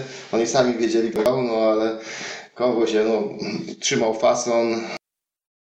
E, podziękował, wyszedł z klatki, no Petis się cieszył, ale widać było, że no, jest bardziej zdziwiony chyba niż my byliśmy oglądając to. Ja tylko jeszcze dam taki mały disclaimer jako fanka Hafela dos Aniosa, który na Twitterze napisał po tej walce e, no co powiecie na Dos Anjos versus Petis dwójka i jakiś fan mu to skomentował not in my prelims i to było strasznie urocze, ale ogólnie zobaczcie jak to wszystko się piętrzy w, gór, w górę, że mamy wiele spotkań po latach, zawodników, którzy się ze sobą mierzyli w niższych dywizjach, a potem mamy ich odsłonę starszą, pełniejszą w wyższych kategoriach zazwyczaj. Oczywiście zdarzają też się ścięcia po, po latach do przechodzenia do niższej, ale jednak i to jest takie kochane jednak w tym całym MMA, że ma tyle różnych oblicz. Ja jeszcze chciałbym wrócić do tego, Tomek powiedział, że zobaczyliśmy takiego kowboja z pazurem, który, który miał pomysł na tą walkę, no i to też wspominaliśmy o tym w transmisji, e, że tutaj mogło pomóc i na pewno pomogło posiadanie na swoim ranczu klubu Donalda Serone, który mógł sobie tam ściągać sparring partnerów. Widać też było, że, że biegał w pełnym słońcu w koszulce na ramionczkach, bo ta opalenizna była widoczna Tak na, na jego ciele. Szkoda trochę kowboja, bo to jest czwarta porażka z rzędu. No, strasznie niezasłużona tym razem. Pierwszy raz w karierze przed tą walką wspominał, że myśli już o emeryturze, a, a taka przegrana może tylko przybliżyć go do tej decyzji, mimo że to jest zawodnik, y, którego umiejętności już spadają jednak w dół i, i jego forma też będzie raczej y, szła w dół, nie, nie, nie będzie szła do góry, to jednak wydaje mi się, że mógłby trochę powalczyć i taka... Nie było synka na arenie, no to i nie było wygranej babci. niestety, i nie było babci Cerone i tu są właśnie, że tak powiem... Za to było trzech magicznych sędziów. tak, i dlatego mamy Sklejem. tutaj tyle czynników o to zadbało, nie? Lecimy dalej. Tak, i otwieramy sobie kartę główną. Walką, która w ogóle się nam nie powinna znaleźć, no ale Greg Hardy pokonuje y, Jorgana de Castro jednogłośną decyzją sędziów. I tutaj po raz kolejny sędziowie odegrają istotny, istotny w tej walce. No smutny pojedynek, jakbym miał klasyfikować się od najgorszej, no to panie dały ten najgorszy pojedynek, ale zaraz za, za ich plecami panowie z kategorii ciężkiej. Greg Hardy z tą swoją postawą taką przykurczoną, bo, bo jednak wielki chłop, miażdżąc warunkami fizycznymi swojego przeciwnika, dawał mu się obijać w tej pierwszej rundzie i gdzieś tam kontrował go, tylko że Castro chyba w pewnym momencie nie wiem, nie chcę tutaj snuć teorii spiskowych, ale w pewnym momencie zapaliła mu się w tej walki lampka, no słuchaj, ale ty tego nie możesz wygrać, bo jednak Greg Hardy jest budowany na tą gwiazdę, gwiazdę UFC. No finalnie mogę się zgodzić, bo De Castro przygasł w rundach drugiej i trzeciej i mogę się zgodzić, że wygrał to Hardy gdzieś tam decyzją sędziów, ale na pewno pierwsza runda była na korzyść y, De Castro i tutaj po raz kolejny sędziowie się nie podpisali. Fajna sprawa e, z tymi, z tymi low, lowami, a konkretnie jednym lowem, który tak e, bardzo się odznaczył na nodze Hardego i nawet były na to konkretne przybliżenia w transmisji. To była mądra taktyka, no bo zawsze jeżeli mamy kogoś, kto dominuje, e, no tutaj Tomek na pewno od siebie, ale w mojej percepcji, jeżeli ktoś dominuje e, tak strasznie gabarytem, no to ograniczyć jego mobilność jeszcze bardziej, żeby był, była taka osoba bardziej statyczna. I ja jako osoba mniejsza e, z natury też zawsze zwracam na to uwagę, no ze względu na jakąś tam autopsję, że zawsze się stawiam w tej mm, pozycji, co ja bym zrobiła. I to jest też jeden disclaimer od y, tego wątku Y, i to jest też powód, dla którego ja y, oglądam z zaangażowaniem damskie MMA. Nie dlatego, że jestem jakąś wielką fanką i tak dalej, tylko że zawsze ja sobie myślę na swój temat, co ja bym zrobiła w takiej sytuacji, w takiej walce. Jak sobie się przekłada, że ty tam stoisz w tym oktagonie, to już wcale to takie damskie MMA nie jest takie mm, nieciekawe, y, więc polecam, jeżeli, jeżeli, polecam, jeżeli ktoś ma problem z tą odsłoną mieszanych sportów walki. Wracając do y, do meritum. Y, Tak, zgadzam się, nie powinna się ta walka znaleźć y, tutaj. Zresztą był też taki tweet i to napisał ktoś z rostera obecnego UFC, że karta mówi wam wszystko, skoro Petis i Cerone są w prelimsach, nie? Że, że jest stakt, że jest zapełniona Tak, i że w tylko, ogóle... że to też jest rodzaj umowy z ESPN-em i UFC musi zagwarantować, że na karcie będzie jedna, jedna taka potężna walka i Cerrone nie pierwszy raz jest y, main, eventem, main eventem karty wstępnej, tak jakby. To jest rodzaj umowy z ESPN, że, że jakaś potężna walka musi być y, na, na, na tej karcie wstępnej. To nie zmienia faktu, że Greg Hardy i tak był widywany na, nie wiem czy on w pierwszych planach nie był co-main eventem którejś z gali, więc Wow, ale nie wiedziałam o tym, Filip, szczerze mówiąc, o tych takich y, prawnych, mm, czy tam właśnie organizacyjnych ustaleniach, ale to ma swoją logikę, bo jednak człowiek ma jak swoją skupieniówkę i musi dozować jednak tę swoją emocjonalność, a jak mamy tak potasowane, to ma- to swoją logikę, więc jak najbardziej. No, mi się ta walka nawet w miarę podobała, to znaczy pierwsza runda była bardzo fajna, potem to trochę gasło i ja mam spiskową teorię, że to było tak. Powiedzieli De Castro, że ma przegrać, no to on w pierwszej rundzie tam machnął parę sierpów, walnął dwa low kicki, a w przerwie mi powiedzieli, ty co ty robisz, ty masz to prze- przegrać. To ja nic nie robię, walnąłem parę sierpów i dwa low kicki. To nie walcz, stój w miejscu. I ja się zastosował do tego. Nie? Chyba, chyba tak to wyglądało, bo no, i- ale sędziowie i tak w tej pierwszej rundzie dali zwycięstwo zwycięstwo. Hardemu, no to jasno i wyraźnie dowodzi, że tam dalej był ćpany klej. Kluczowa sytuacja była w momencie, e, kiedy De Castro leżał na ziemi w trzeciej rundzie. Greg Hardy stał nad nim, nie robiąc nic. E, Herb Dean nie podnosił tej walki do dwójki. No tutaj spodziewaliśmy się, że Greg Hardy w tym momencie rzuci się na De Castro do parteru, a on finalnie podszedł do Herba Deana i kazał mu podnieść ten pojedynek do stójki. Tak, to była dokładnie kuriozalna sytuacja, bo De Castro sam się przewrócił, może się pośliznął. Tam widać było w kilku walkach, że ta mata jest śliska. Możliwe, nie wiem, że sam się położył specjalnie, ale wygląda, się pośliznął, leży sobie. Stoi nad nim ten wielki jak góra zawodnik futbolu amerykańskiego Hardy i nie zrobić. I Herb Dean, który jest znany z tego, że takie sytuacje w ogóle w amerykańskim MMA, w UFC, to jest bardzo szybko taka sytuacja jest podniesiona do stójki. W Japonii na przykład było tak, że ci sędziowie naprawdę tego nie podnosili, czekali albo kopywany, będą jakieś akcje, są bardzo ciekawe akcje bywały, takie pamiętam jak Sakuraba masakrował nogi leżących rywali, wskakiwał na nich, no były fajne, ciekawe akcje. Natomiast tutaj Amerykanie tego nie lubią, takiej sytuacji. Nie wiem dlaczego, czy to się źle kopanie leżącego kojarzy, czy co. I sędzia bardzo, bardzo szybko, dosłownie nie zdąży ten zawodnik z góry nawet nic zrobić, a już jest walka podnoszona do stójki i Herbin należy do takich sędziów właśnie, a on sędziował tą walkę. I tym razem Widać, miał, widział, że ta walka chyba się nie układa po myśli Hardego, chciał zaznaczyć jego przewagę i czekał aż Hardy coś zrobi. Hardy myślał, myślał, myślał, nic nie wymyślił i powiedział, pokazał, żeby De Castro wstał do stójki. No to, to było kuriozum naprawdę. Uniósł się honorem. Nie chciał go być na ziemi po prostu i długo o tym myślał. Długo myślałem, no, ale musimy też y, wziąć pod uwagę, że nie było inhalatora w przerwie, więc te myśli mogły się dłużej zbierać. No, zabrakło kofeiny do nosa w przerwie. No ale po tym starciu mieliśmy, mieliśmy perełkę i występ Calvina Katara, który pokonał Jeremiego Stevensa takim piekielnie mocnym łokciem, którym wszedł i potem dobił go, dobił go już w parterze. No Jeremy Stevens na początku narzucał swoje tempo, twardy, nieustępliwy zawodnik, ale ten boks kara, te uderzenia, przepuszczenie, kontra, ciosy na dół, no to tak jak Mitchell był majstersztykiem parterowym, to tutaj Katar zaprezentował nam super poukładaną stójkę techniczną.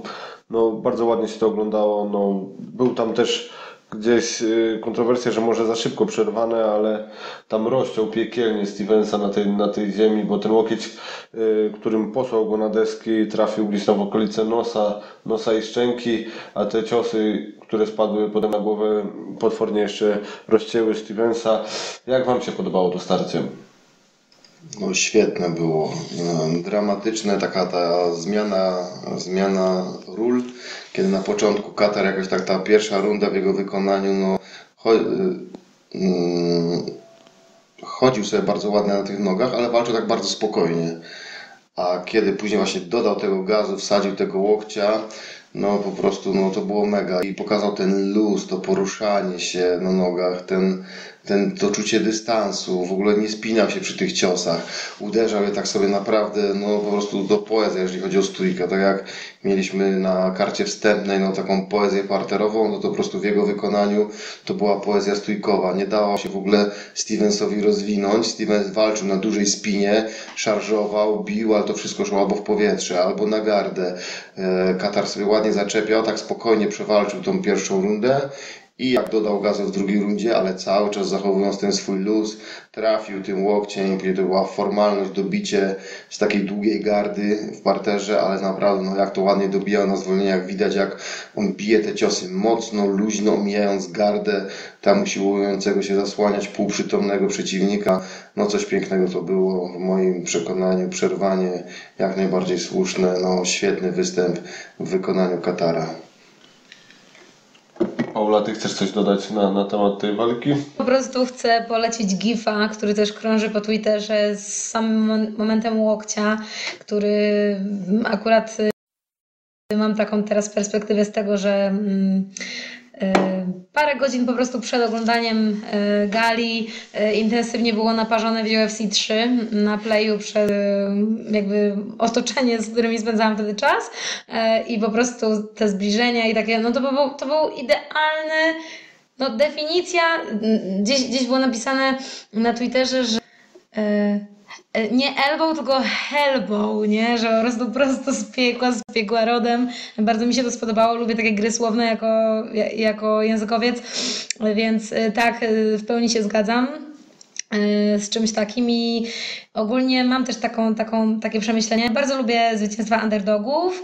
Są w jakimś sposób taki, w takim rytmie, że no, może, no może tutaj okej, okay, nie był Katar wcale underdogiem, ale właśnie oglądając tę walkę, to jeden z kolegów, z którymi spędzaliśmy czas, powiedział, kto to w ogóle ten Katar, że for the fuck is that guy, cytując tutaj Conora i no i właśnie he's the one, nie? po prostu, że tak powiem zamknięcie mordy błyskawiczne, e, dlatego warto, warto śledzić na bieżąco i nie tylko gwiazdy mm, wielkiego formatu ogólnie, ale też mm, młode wilczki lub średnio młode, które potrafią zdefiniować cały swój um, kunszt tak akcjami. No i tyle. Hmm. W kolejnym pojedynku w kategorii ciężkiej Francis Enganu pokonał Jarzinho Rosenstruka zaledwie 20 sekund knockoutem, jak to Francis nas już przyzwyczaił do tego. Ja tutaj typowałem, że y, razem z Tomkiem albo urwie mu głowę, albo na punkty może to rozstrzygnąć Rozenstruk. Y, Grzesiek Nielubiak, który pisał y, relację, z kolei typował Rozenstruka, no ale tutaj E, Francis nie chciał, nie chciał przedłużać. E, rozpuścił ręce, nie trafił raz, nie trafił drugi. Jest taki moment, jak była powtórka, jak on przestrzelił pierwszym takim obszernym ciosem i ten lewy potem był taki ładowany już z takiego odchylenia, że naprawdę jakby trafił, to ta głowa mogłaby wypaść poza oktagon, ale finalnie i tak e, cofający się do tyłu Rosenstruck po prostu zabrakło mu e, pola do tego, aby kontynuować ucieczkę, oparł się na siatce, no i tam Francis dokończył dzieła no tutaj imponujące zwycięstwo. Znaczy generalnie no to tak, y, my z Jackiem bardzo czekaliśmy na to starcie, bardzo i, ja na, i nawet nie potrafiliśmy wytypować. E, no Jacek Rozenstruka od samego początku chyba do UFC i miał 5-0 albo 6-0, e, a teraz to już było 10-0, więc już tam swoje rzeczy porobił w UFC zanim dostał walkę z Francisem e, i ten zawodnik z Surinamu no, muszę przyznać, że mi też bardzo imponował. Mm, y, on jest chyba z kuźni Ernesto Husta, on jest tam y, jeden takie holenderskie. Nie wiem, nie wiem, czy teraz dobrze kojarzę fakty, ale coś mi, coś mi tak szepcze. Jeżeli y, teraz się mylę, to poprawcie mnie proszę w komentarzach nasi słuchacze.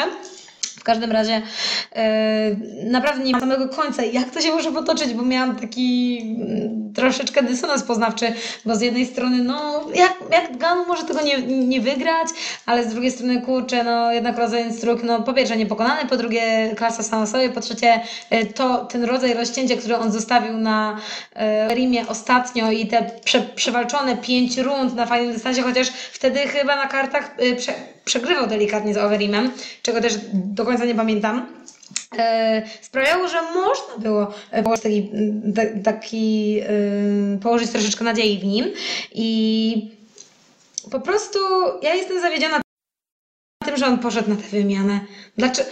Nie idzie się na wymianę ze Francis Ngannou w pierwszej rundzie. Nie robi się tego i mm, okej, okay, zabrakło miejsca, okej, okay, został zamknięty siatką, ale nie musiał bronić się wymianą ciosów. Mógł, y, no nie wiem, pracować korpusem, schodzić w dół, y, jakby uciec jak y, Holm uciekła jakby rondą, kiedy ona też ją zamknęła na siatce i, i jest dużo możliwości uciekania pod, z ferworu jakby gradobicia, kiedy jest się zamknięty pod siatce, niekoniecznie oddając te ciosy i to było po prostu nieodpowiedzialne. Myślę, że mogłoby to się po prostu inaczej toczyć, yy, gdyby nie ta lekkomyślność. A co wy myślicie, chłopaki? Ja myślę, że Tomek ma fajny, fajną teorię, dlaczego tak się stało i, i ciekawie to już opowiedział wczoraj po transmisji. Po prostu to są nawyki Jarzinho Rosenstruka wyniesione z kickboxingu, tak Tomek? O, Jarzinho to jest typowy kickboxer, taki naprawdę wysokiej klasy kickboxer, zawodnik K1, reprezentujący, tak jak powiedziałaś, holenderską szkołę. Holenderska szkoła, ona się opiera na takich naprawdę mocnych kombinacjach, łączenie uderzeń, kopnięć mocne, przy czym to jest takie statyczne mocno, bez chodzenia, bez poruszania się, nie ma tego bokserskiego poruszania się. E, widzowie najbardziej sobie cenią, jak sto stoi dwóch fighterów naprzeciwko siebie, schowanych za podwójną gardą i jeden ładuje kombinację rękami zakończoną jakimś efektownym kopnięciem. Słychać jak to echo tego praśnięcia, kopnięcia niesie się po całej hali. Drugi uśmiecha się i oddaje mu jeszcze mocniejszą kombinacją i jeszcze mocniejszym kopnięciem. Ten się znowu uśmiecha i ładuje swoje. No tak to wygląda. To jest taka trochę fuzja e, kickboxingu z tajskim boksem. To właśnie w Tajlandii taki styl przyjmowania i oddawania mocniej sobie bardzo cenią. E, I holenderska szkoła kickboxingu dużo czerpie właśnie z tej tajskiej szkoły. Dopracowała to do perfekcji, ale kickboxing K1 to nie jest MMA. W MMA trzeba chodzić, to co powiedziałaś, trzeba chodzić na boki, a w wadze ciężkiej po prostu no to jest no, stanie w miejscu, kiedy no, leci na szarżuje na ciebie, leci na ciebie pięć takiego wielkoluda, to jest proszenie się o nieszczęście. Do tego tutaj nie ma dużych rękawic. W dużych rękawicach to się możemy podnieść barki do góry, schować szczękę, zasłonić rękawicami, przyjąć te wszystkie ciosy i oddać sobie później. No i tak to wygląda. Jest specyfika właśnie, jest duże rękawice, jest to takie inne punktowanie, nie ma ryzyka obaleń. No i Rosenstruck jako znakomity kickboxer, który zresztą to skutecznie, fajnie przenosił do MMA dotychczas, no, stał się ofiarą własnego stylu w tym momencie, bo zaczął sobie tam kopnięciem, próbował się postawić. To też jest wielki, silny chłop, ale przed tą walką, jak właśnie mówiliśmy, ja i Filip, mówiliśmy, że no wygra, jeżeli będzie decyzją, to przegra to e, wielkolud e, afrykański, natomiast jeżeli będzie przed czasem, to Ngannou właśnie wygra i jest zasada, jeżeli walczy waga ciężka, a to jest prawdziwa waga ciężka, no to wygrywa silny, e, silniejszy, a silniejszy jest naprawdę Nganu, więc postawiliśmy razem z Filipem na Nganu, no i rzeczywiście siła w wadze ciężkiej równa się technika, E, statycznie stojący w miejscu i ładnie tam kopiący z tego miejsca. Kickboxer został po prostu zepchnięty tą szarżą. On nie miał już później wyjścia, kiedy Enganur ruszył rozkręcając te sierpy. One nie były tak jakieś celowane w punkt, one po prostu szły mniej więcej w kierunku głowy. On już w tym momencie nie miał żadnego innego rożenstru, tylko ruszył rozpaczliwie do tyłu e, przepuścił trzy sierpy, potem zatrzymała go siatka i Dosięgnął go czwarty sierp, po którym Rosenstruck już był martwy. Właściwie zleciał sobie nieprzytomny i sędzia no, przytomnie przerwał to dobijanie już nieżywego, biednego kickboxera pod siatką. No i to pokazuje, no jeżeli nie masz siły Nganu, nie masz tych warunków jak on, to chyba no, Steve Miocic pokazał, jak się powinno z nim walczyć. Od razu do przodu, po nogę na wysoko, wykorzystać te jego problemy z balansem, wykorzystać tę jego jeszcze którą lukę, którą w tej chwili ma z defensywnymi zapasami, przewrócić go i kontrolować na ziemi. To jest najlepsza metoda. No, metoda w kickboxing z nim, w MMA, no to jest bardzo zła metoda. No, no i wszyscy widzieliśmy, jak to się skończyło. Nic dodać, nic, nic ująć. No, uwaga, y, smaczki twitterowe. Y, Pierwszy smaczek to jest y, tweet Mike'a Tysona na ten temat. Napisał Resounding Vicious, Future Champ i uwaga, fantastycznie przeliterowane Frances Ngonu. Kochany Mike. 20 seconds knockout tonight. I no, oddanie tutaj wielkości yy, Francisowi. Bardzo cieszymy się, że Mike śledzi UFC. To też jest mm, wielkiego praise dla całej dyscypliny. A drugi twitterowy smaczek na ten temat to również jest yy, spędzenie wspólnie czasu po walce Jarzinho z Francisem. Mają fotkę i Francis opublikował i napisał, że Walka to jest tylko strona biznesowa i nic więcej, a poza nim jest love, peace i having fun i że naprawdę nie ma tam żadnego rodzaju mm, niesmaczków i niesnasków między nimi. E, To też jest bardzo fajne, czego ja się dopatrzyłam. Nie wiem, czy to po prostu perspektywa e, mm, ka- kamery, ale jakby wjeżdżając na wprost na Francisa, ma on poważne przesłanki ku zezowi rozbieżnemu. Nie wiem, czy wy też to widzieliście, ale, a może ma po prostu taki układ anatomiczny twarzy, ale na pewno te jego gałki oczne nie współpracują do końca. No to będzie brał przeciwników w dwa ognie, tym gorzej dla nich. Natomiast pamiętacie czasy, jak mistrzem UFC został Brock Lesnar? Mhm. No to ja tu takie pewne analogie widzę. No co prawda to są inni zawodnicy zupełnie, ale Brock Lesnar pomimo jednopłaszczyznowości, bo on był tylko zapaśnikiem, on, poza ground and pound on go sprowadzał i go rozbijał na ziemi. On nie miał stójki, nie miał walki na chwyty, ale on był po prostu prawdziwym ciężkim i on wygrywał z dużo lepszymi technicznie zawodnikami od siebie, którzy nie byli prawdziwymi ciężkimi. On robił to siłą, masą, pokazał, no, jeżeli chodzi o tą wagę naprawdę ciężką, to prawdziwa siła techniki się nie boi, a właściwie inaczej, że technika wadze ciężkiej to jest siła, czyli siła jest techniką i teraz to pokazuje wywodzący się nie z wrestlingu, tylko z jakichś uderzanych sportów Enganu. No i rzeczywiście może go predysponować jako kolejnego, jako przyszłego mistrza tej kategorii ciężkiej. Będzie miał problem, jak trafi właśnie do takiego zapaśnika typu DC, ale czy do tej walki z DC dojdzie, pożyjemy, zobaczymy, jak długo DC walczył. No i na razie nie widać nikogo takimi warunkami, kto, kto mógłby się postawić. No i zobaczymy, jak będzie pracował nad zapasami Enganu ale no na razie no wszystkie papiery na to, żeby zostać przyszłym mistrzem to takim, z którym wszyscy się będą bali walczyć, bo można stracić głowę bardzo łatwo, to ma na to wszystko właśnie papiery, to wszystko idzie w tą stronę. Mm, No jestem ciekaw jak to dalej z nim będzie wyglądało, ale to właśnie już kiedyś to Brock Lesnar pokazał, że naprawdę jak przyjdzie prawdziwy ciężki, to do ciężkich będzie rozjeżdżał. No i teraz to pokazuje Enganu. On ma jeszcze duże braki techniczne, co pokazał Steve Miocic, ale pokazał, że no, taki rasowy kickboxer naprawdę światowego formatu jak Rosenstruck, no to nie ma żadnych szans jak sobie iść sobie wymiany, a pamiętajmy, że Rosenstruck to też nie jest ułomek, nie? To też jest kawał chłopa. No, jeszcze tylko szybko dodam y, ciekawostkę, y, bo jest taki mem y, właśnie z screenshotem z reakcji na y, reakcji Daniela Kormiera na y, tego knockout i dopisek, że kiedy zdajesz sobie sprawę, że Francis jest w twojej dywizji. No, aczkolwiek tutaj, tak jak, tak jak mówisz, to byłoby bardzo ciekawe. E, A jeszcze tylko powiem o prawdziwej ciężkości, że chyba mieliśmy na tej karcie e, tutaj dwóch osobników faktycznie ścinających do wagi ciężkiej, bo Hardy też ścina do ciężkiej i Francis też. I to są takie e, no, mm, nietuzinkowe sytuacje, bo rzadko kiedy rzeczywiście znajdujemy takich zawodników, którzy do tej ciężkiej muszą ścinać. Daniel Omielańczuk. Damie, Dan, bo, tak, pozdrawiamy Daniela i jeszcze na pewno Mark Hunt, pomimo bycia bardzo niskim, jednak e, ta, ta jego otyłość brzuszna sprawiała, że on też musiał ścinać, nie?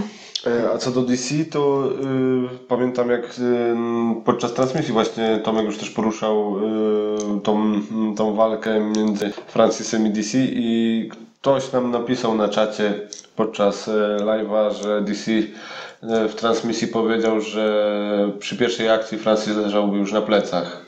No, zapewne, bo DC byłby głupi, Pierwszą akcją nie było jak ten cannonball, władowanie się w nogi olbrzyma, wszelkich wymian, no to chociaż DC naprawdę też potrafi mocno uderzyć, ale przy takich krótkich rękach ja wątpię, żeby on był w stanie tymi rękami dosięgnąć do głowy Nganu, więc on naprawdę musiałby rzeczywiście jedną z pierwszych akcji w momencie, kiedy musiałby tylko poczekać na moment, aż Nganu zacznie szarżę, żeby jego ręce ruszyły do przodu, żeby nie był w stanie walnąć kolana.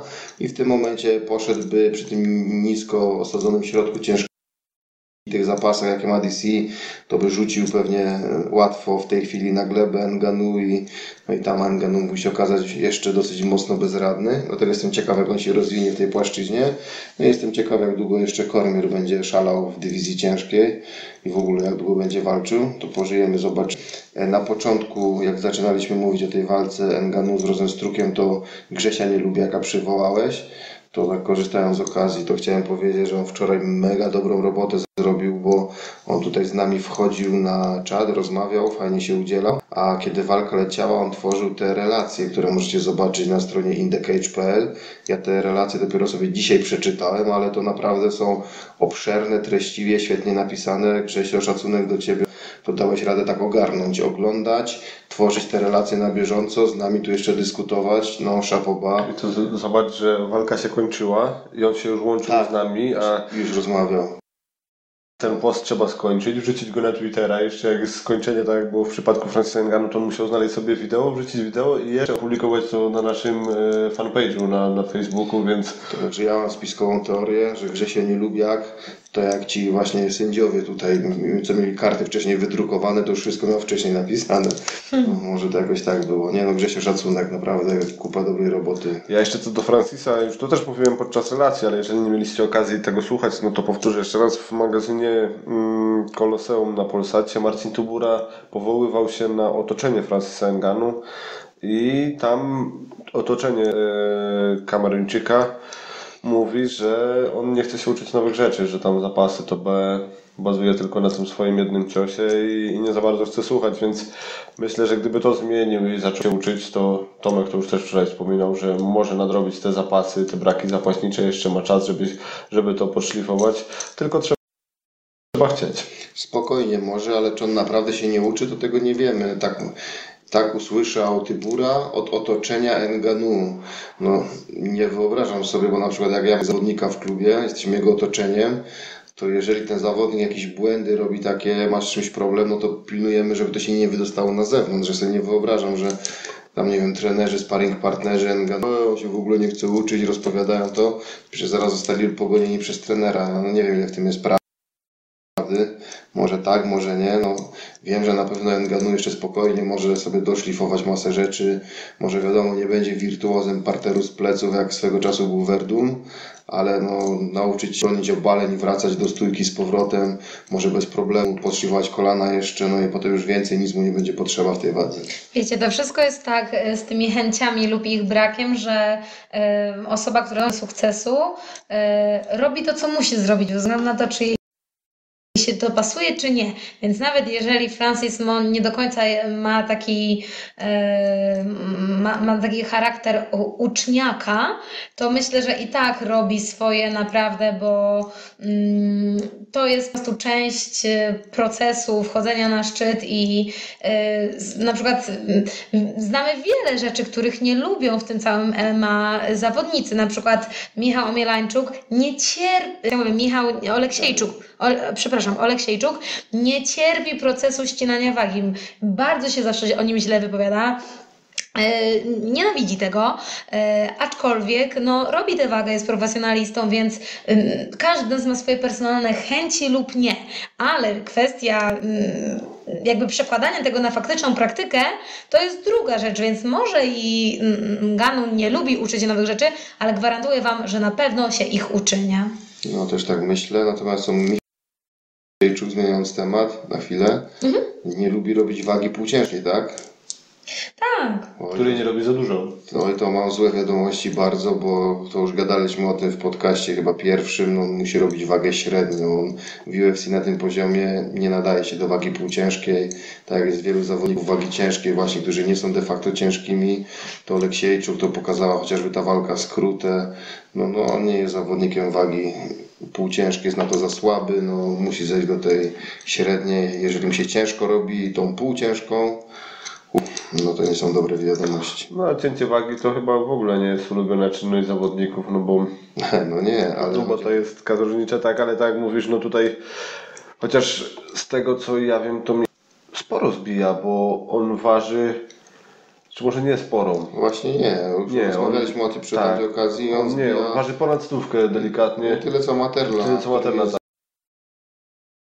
zawodnikiem wagi średniej, więc jest takie, no i Materla zbija te 20 kg do, do tej wagi walczy tak. w KSW, no to no, tu nie ma wyjścia, musi to samo robić Oleksiejczuk i to jeszcze Materla, no to jest zawodnikiem takim wyciętym, a no tutaj jest Oleksiejczuk by spokojnie jeszcze sobie mógł trwale to troszeczkę wagę obniżyć, wycinając się.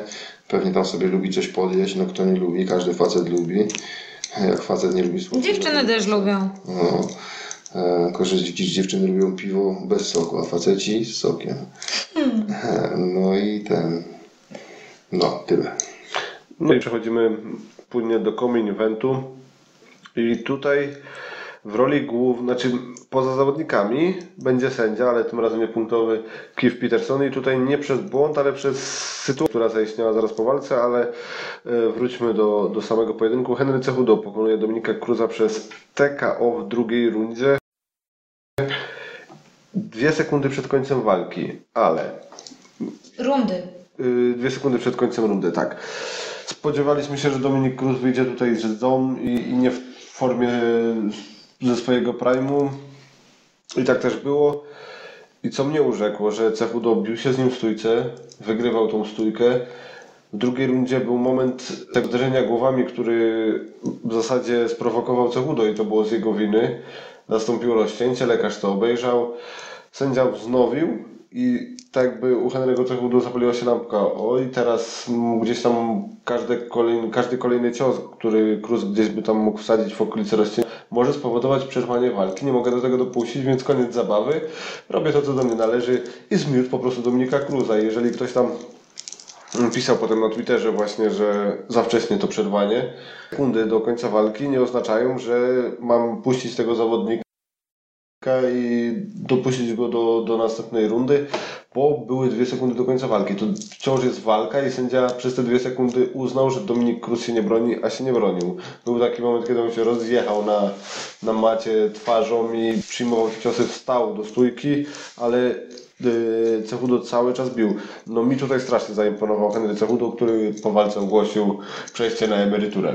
Ja chciałabym y, zacząć, a zaraz Mikowi, żeby nie zapomnieć koncepcji, którą głowie, y, że mm, to też jest smaczek z kursu na sędziego u Łukasza, y, że często mamy tak na gali MMA, która jest jednostką samą w sobie jako wydarzenie, że jeżeli mamy pracę ringowego sędziego czy kładkowego y, na danej jednostce gali i on popełnia wcześniej jakąś gafę, to on strasznie bardzo potem ma taką narzuconą samemu sobie retorykę nadrobienia za wcześniejszy błąd co jest bardzo niedobre, bo wtedy ten y, sędzia się wrzuca w spiralę błędów. I tak jak mówiliśmy o tym Petersonie, że on wtedy nie zauważył tej sygnalizacji y, Ceronego a propos y, palca w oko y, i, i nie zrobił tego. Być może przerzucił te, mm, to, co czuł wewnątrz, nie wiemy jak to, jak to faktycznie wyglądało, mm, ale mógł chcieć zrekompensować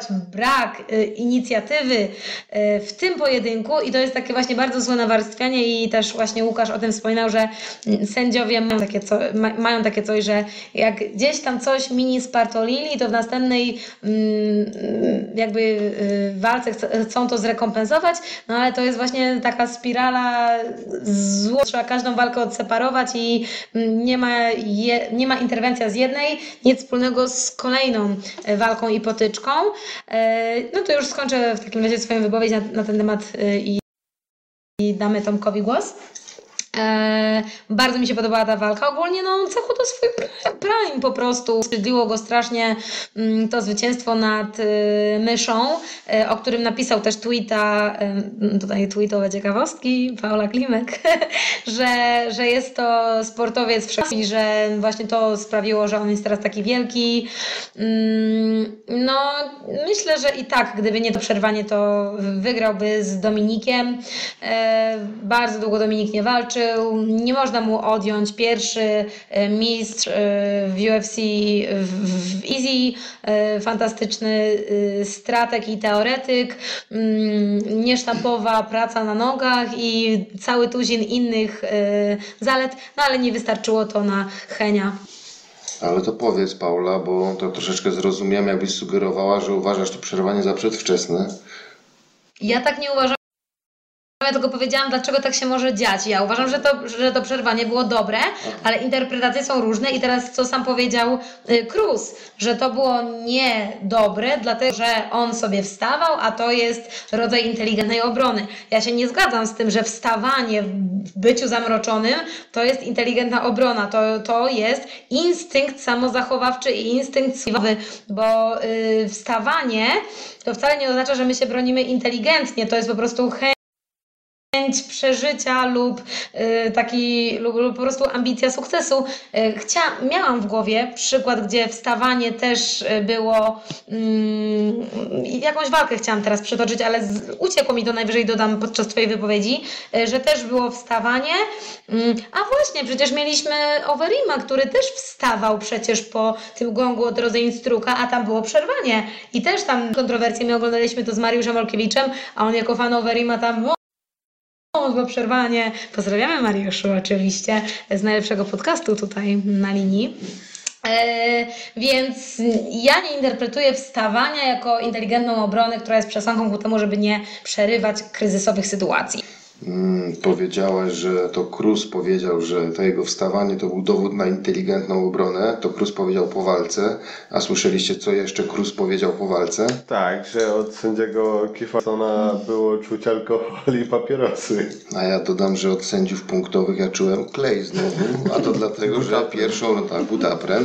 A to dlatego czułem, bo pierwsza runda która była wyraźnie wygrana przez małego zapaśnika nad powracającym po kontuzjach Cruzem. Była przez nich wypunktowana jednym punktem, no co prawda na korzyść, owszem, na korzyść zapaśnika, ale ale czemu jednym punktem? Tam była wyraźna, wyraźna przewaga, powinno być dwoma punktami. To jest to znowu ta naleciać e, z tego, że się jednym punktem przyznaje, to powinna być dwupunktowa przewaga. Wszyscy jak jeden może dali jednopunktową albo, albo bazują na tych starych przesłankach, co już, dawno powinniście tego uczyć, albo ćpali klej i tak jak Cruz czuł piwo i papierosy od sędziego ringowego, tak jak czuje klej od nich.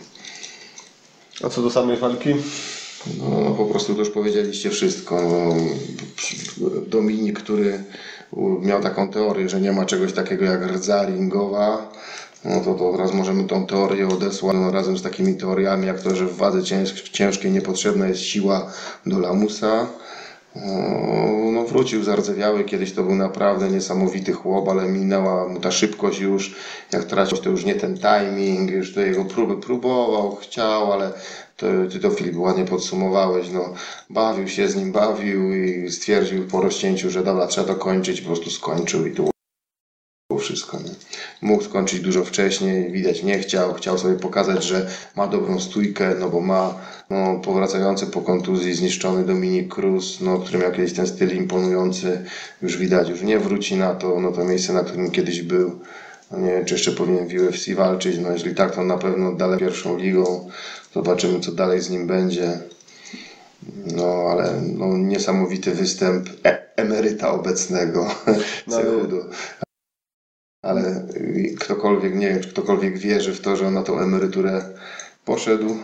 Błyskawicznie po walce John Jones wysłał, teraz ja przytoczę y, twitterową ciekawostkę. John Jones napisał, że ktoś tutaj chce sobie załatwić nowy kontrakt. No pewnie ma rację, ale to co tylko tu Twittera nie mam, muszę sobie Twittera założyć, czy co? Nie, no Twitter to jest zło.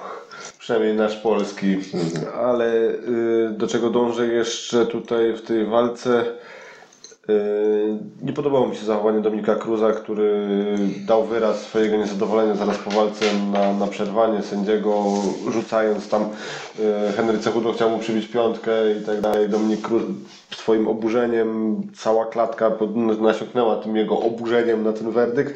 Potem te tłumaczenie się, może Keith Peterson coś sobie tam łyknął, jak już był błąd gdzieś tam w walce, to a może Donald Cerrone go zaprosił gdzieś w którejś walce, ale myślę, że to takie niefajne. Za, uratował mu trochę, trochę życia tym przerwaniem, bo, bo zaoszczędził mu trochę tych ciosów na głowę, a Dominik Cruz tak nie, nieładnie się zachował. Pamiętajcie też, że wszystkie odkażające są na bazie alkoholu, a skoro to była taka gala koronawirusowa, to może po prostu Kiew się tam odkażał porządnie nie, i nie tylko powierzchniowo czynnie, ale również doustnie. Może tak być, ale jeszcze tak w obronie sędziego tu trzeba powiedzieć, że no, znamy przykłady walk choćby z polskiego podwórka, że sędzia, wiedząc, że się kończy runda, chciał chyba przysługę zawodnikowi zro zrobić i parę sekund przetrzymać do końca rundy i potem miał, zawodnicy mieli pretensje do takiego sędziego, czemu tego nie przerwał, kiedy powinien, nie? To pamiętamy słynną walkę na KSW na przykład, kiedy Gamer walczył z, mm, z tym chłopakiem z Ełku, karateką, e, zaraz, zaraz, jak on się nazywa? Gamer walczył, Zawadzkim, walczył z Zawadzkim. To była pierwsza walka ich, pierwszy debiut Gamera chyba w KSW z Zawadzkim, Mateusz Zawadzki, tak? Tak, tak, Mateusz Zawadzki, dobry zawodnik karateka, szykował się do tej walki, pamiętam wtedy dużo zapasów robił, chwalił się, że Gamer nie będzie go w stanie obalić, no Gamer pokazał, że jest w stanie, i Gamer pokazał miażdżący Granen Pan moment, że Zawadzki leżał po prostu pod, pod siatką, już nie bronił się aktywnie, było do końca rundy, było tylko dosłownie parę sekund i zbierał potężne młoty na głowę, które już wchodziły czysto, on już się nie bronił. E, no i sędzia no, powinien przerwać, nie przerwał, on zbierał po głowie i jeszcze do tego sędzia troszeczkę nie usłyszał gongu kończącego i przedłużyło się do dodatkowych kilka sekund, kiedy Zawadzki zbierał te młoty. E, kiedy narożniki zaczęli krzyczeć, że już jest przerwa, sędzia przerwał. No Zawadzki nie był w stanie nawet, był znokautowany. Podnieśli go na krześle, on zleciał z tego krzesła, narożnik go poddał, no i potem Zawadzki, który w, w, jak doszedł do siebie w wywiadach, miał do Tomka Brondera pretensje o to nieprzerwanie właśnie. Nie był mu wdzięczny za to, że udał scenę, tylko miał pretensje, bo mówi, że stracił rok życia przez to. No bo to mm, trzeba było przerwać, on już był nieprzytomny, zbierał, już nie, nie bronił się aktywnie, no i od tamtego czasu Zawadzki już nie walczył więcej.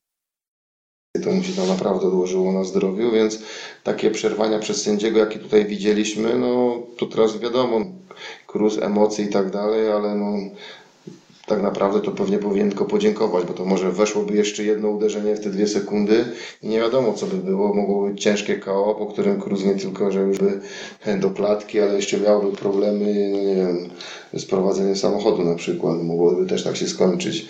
Także w moim odczuciu przerwanie przed sędziego było prawidłowe. No, nie wiem, czy tam pił i palił przed tą walką, czy się dezynfekował od środka, czy nie ale to przerwanie no, w moim odczuciu jak najbardziej zasadne. Ja tylko tylko dodam, że ta kwestia zaufania przez sędziego klatkowego y, w trakcie i dawanie mu kilka sekund na jakiegoś rodzaju, no nie wiem, ogarnięcie się i tak dalej, to wszystko jest kwestią pojedynczej sytuacji, bo pamiętam fantastyczną walkę Oliveira z Medeirosem i tam było dawanie właśnie sekund w, w, w, w założeniu, że y, tam było, ojeju, to były szalone wymiany. Ja bardzo Wam polecam tę walkę.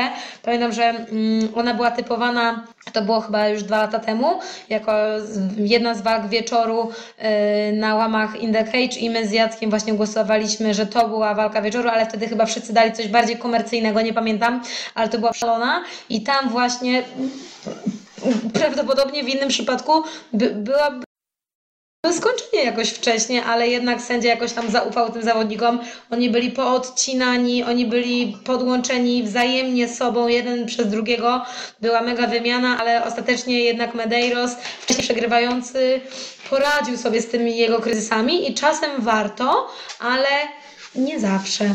A no to, to jest właśnie robota sędziego. Ocenić Tak. w którym momencie trzeba, w którym nie trzeba, bo teraz tak no nauka Brondera trzeba powiedzieć, na przykład ta niedawna walka słynna Przemka Fajera z Sobiechem, no po prostu no, był tam moment, kiedy Fajer posłał Sobiecha potężnym ciosem na dechy, nieprzytomny Sobiech tam, no ale widać w innym świecie był, Fajer go no, niemiłosiernie okładał, nikt by pretensji, naprawdę nikt by nie miał pretensji, gdyby ta walka została przerwana, nie została przerwana, Tomek Bronder nie przerwał i koniec końców okazało się, że rację miał, bo Sobiech doszedł do siebie, przetrwał rundę do końca i powrócił zwycięsko kolejnej odsłonie, także no tak jak mówisz, to, to, to nie jest takie.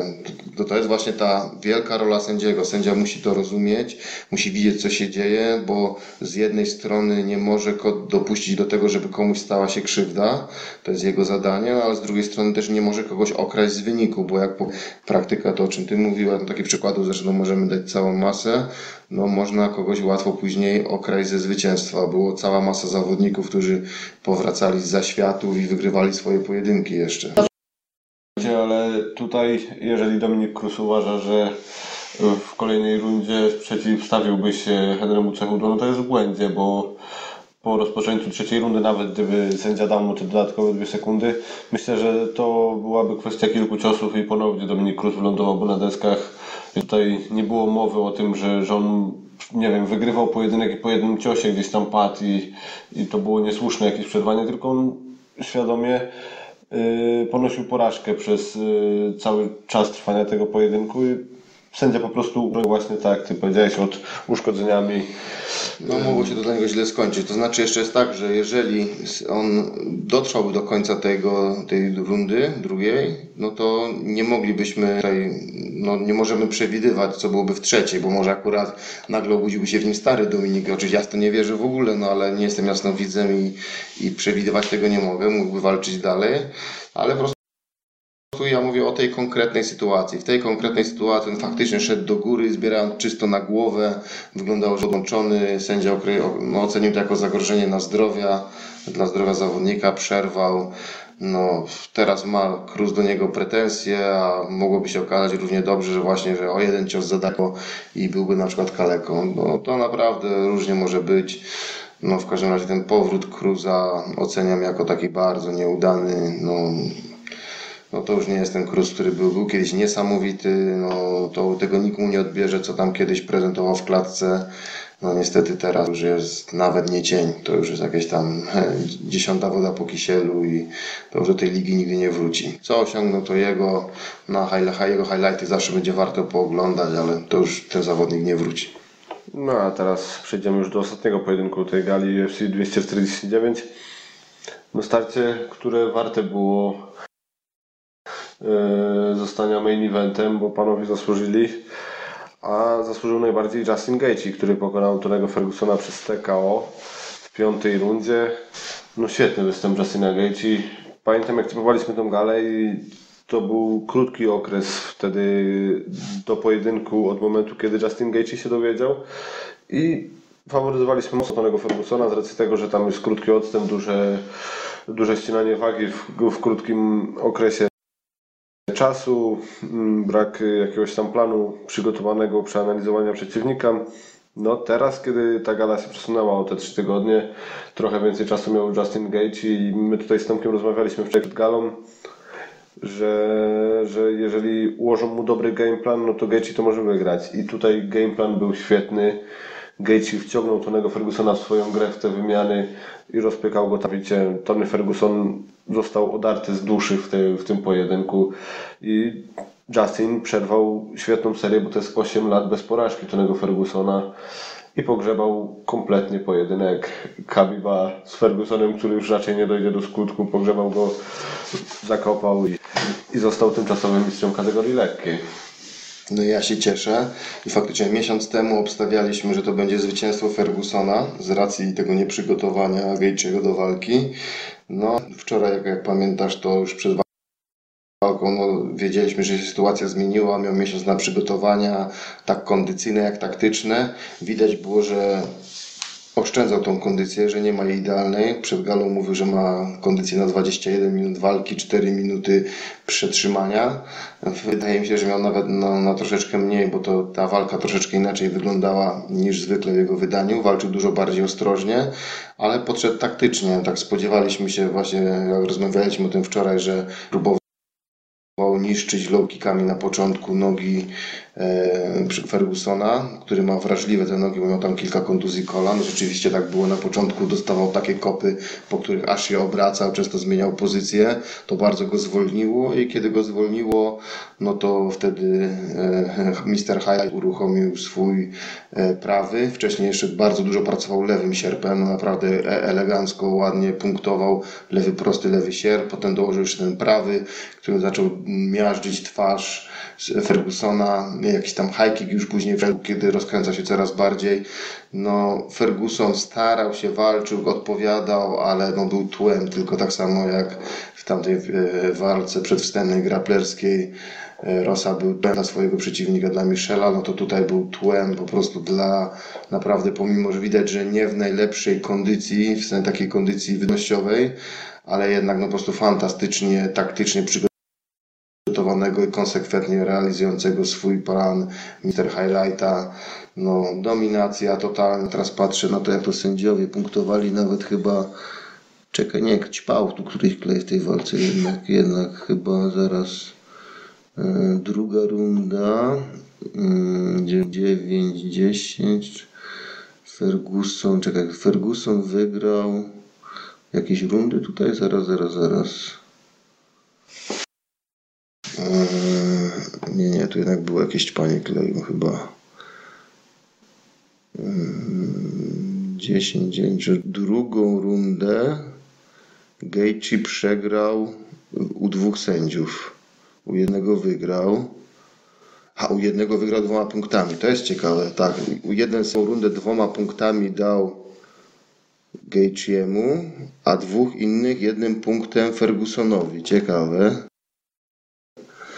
Tam był knockdown i po prostu ja też tak to punktowałam, że jednak knockdown to jest bardzo mocne dążenie do skończenia walki, więc automatycznie jest punkt dla osoby. Tak, po tym podbródku. Tak, to- tak, dwie sekundy albo trzy przed końcem rundy i ja też bym to punktowała dla Tonego. Tak, to była jedyna runda, którą mógł Tony Ferguson urwać. Tak, tylko, tak, ale i no, to macie rację, tylko że, że tutaj ktoś, poczekajcie, bo to jest, no tutaj jest jeden punktował dwoma punktami na, zaraz dla Gaethje'ego, tu Gaethje wygrał dwoma punktami tą rundę. Dostał 10, a przeciwnik, a nie 9. Nie no, to po prostu, Jednym. a dobra, przepraszam, bo tutaj 18 Total się odłożyło. A dobra, dobra, no. dobra, już na oczy źle widzę, ale dobra, no to, ale to tak czy siak, to, Ilej był ćpany tu ewidentnie. ale nie aż tak jak myślałem. No w każdym razie, Tutaj dobrze, że prostu zeszło- nie zostawił tego w rękach sędziów. Tutaj zeszła już bomba po prostu z tego kleju wziętego i przyćpanego na początku. No, tu sędziowie Zgadza zaczęli się. orientować, gdzie są i co robią. No ale no, no świetny występ Gaethje'ego. Cieszę się, że do walki z Khabibem nie stanie właśnie Ferguson, tylko jeżeli już to Gaethje, Gaethje ma, w ogóle nie pokazywał tego w tej walce, ale ma bardzo dobre zapasy. Oczywiście to nie są zapasy klawy, ale no ma po prostu o niebo lepsze niż Ferguson i będzie już mógł bazując na tych swoich zapasach, jeżeli przygotuje równie dobry game plan jak na tą walkę, plus będzie miał lepszą wydolność, będzie przeplatał ładnie te defensywy z uderzeniami, to będzie miał dużo większą szansę, żeby zagrozić Kabibowi w takiej dyspozycji, to po prostu walka z Kabibem, no Ferguson no nie miałby żadnego podejścia do Kabiba, tu dużo ciekawsze może być to z Gaethjem, który też faworytem nie będzie, ale no, no po, po tym co pokazało się w tej walce, no, no jest dużo bardziej sensowne, żeby to on wystąpił. E, No bo jak myślicie, dojdzie teraz do walki Kabiba z Gaethjem? Myślę, że tak. Tak. A oni są z tego samego teamu y, menedżerskiego. No, Ali Abdallah, ale powiedział właśnie Ali, że nie ma przeciwwskazań, żeby, żeby zmierzyli się. Mm, Widziałem takiego fajnego mema dzisiaj, że Tony Ferguson wyglądał po tej walce, jakby walczył z Tonym Fergusonem. Tak, tak, też widziałam. No, dobre. No, także tą walkę kto nie widział, niech zobaczy. No, rewelacyjny gameplan, rewelacyjne trzymanie się gameplanu przez Getchiego. E, bardzo konsekwentne, no i coś, coś się po prostu to naprawdę nie był dzień Fergusona, który spodziewałem się, że będzie w dużo lepszej dyspozycji pod uwagę, że przygotowywał się wcześniej do Kabiba, czyli powinien być u nas tak na maksimum swojej życiowej formy, skoro chciał walczyć z Kabibem. Minął miesiąc, no nie wiem, czy on się przetrenował, jak koronawirusa ciężko Te dwukrotne zbijanie wagi to jest głupi pomysł. No właśnie chciałam powiedzieć, że y, słuchałam y, konferencji po walce, y, wypowiedzi Justina i został zapytany on o to, czy jego zdaniem na Tonego dyspozycję wpłynęło to podwójne ścinanie wagi. I on powiedział bardzo fajnie, że powiedział, nie wiem czy na niego wpłynęło, mogę powiedzieć, że na mnie by wpłynęło. Więc to też dużo bardzo o tym mówi. A jeszcze chciałam teraz, żebyście wzięli sobie notatniki, jeżeli złote myśli MMA i zapisali teraz nasi drodzy fani y, takie imię i nazwisko Trevor Whitman. I to jest pan odpowiedzialny w bardzo dużej mierze za rozwój Justina, który już nie jest e, tak zbierający, e, że tak powiem, garda z twarzy. No generalnie Justin 2.0 i ogólnie Trevor Whitman jako trener, to jest taka osoba, bo on oficjalnie nie prowadzi żadnego klubu, oni tam sobie w Denver y, trenują, ale to jest osoba, która y, zbiera sobie perełki i sobie szlifuje te perełki i szlifuje je na tyle fajnie, że mamy taką mistrzynię y, byłą Rose, która sobie detronizuje panującą przez dwa lata i mającą pięć obron, pięć obron Joannę i on ma bardzo indywidualną szkołę do każdego swojego y, zawodnika, bo y, potrafi być bardzo i rzeczowy w narożniku, a potrafi być tak oderwany od tej rzeczowości, bo bardzo dobrze pamiętam jego y, jego y, że tak powiem przemówienie do Róży z czwartej na piątą rundę w rewanżu z Asią i on tam nie mówił żadnych technicznych rzeczy gdzie już dziewczyny są na wykończeniu, gdzie powinno się przemawiać do świadomości i e, oprzetamniać tego zawodnika, który jest w amoku walki od e, 20 minut, mm, plus oczywiście e, minutowe przerwy. I on mówił do Róży e, have fun, this is your life, you love to do it. I to było takie, że po prostu on przemawiał do tych jej instynktów bardziej, no nie wiem, duchowych, jako że może, nie wiem, Róża jest bardziej uduchowiona lub taka istna, różnie ludzie to interpretują. Niektórzy w ogóle nie kupują tej tej jej y, przemiany i ewolucji, ale ja myślę, że jest w tym dużo mm, racji i prawdy. I teraz y, jestem na stronie Trevora Whitmana i mam, mamy taką zakładkę, że e, jakich on ma zawodników na swoim koncie, którzy się przewinęli przez jego trenerską karierę. I tutaj mamy Mata Mitriona, y, Mitrione, Roya Nelsona, Toda Duffy, Donalda Cerrone, niego, y, Stipe Miocic, GSP, Rashada Iwansa, y, Melvina Giarda, y, Markarta. Mm, No po prostu jest to cała plejada mm, niesamowitych zawodników. I o ile nie każdego rzeczywiście on wiódł do końca, to przetarł się gdzieś tam swoją karierę trenerską y, z takimi nazwiskami. I myślę, że każdy uczknął to, co mógł najlepszego właśnie u Trevora. I tak jak zawodnicy mają naturalne talenty lub predyspozycje, to on ma chyba tak do, do bycia tym przewodnikiem e, coachowskim. Ja jestem tylko ciekaw, kiedy to niby GSP trenował Trevora Whitmana.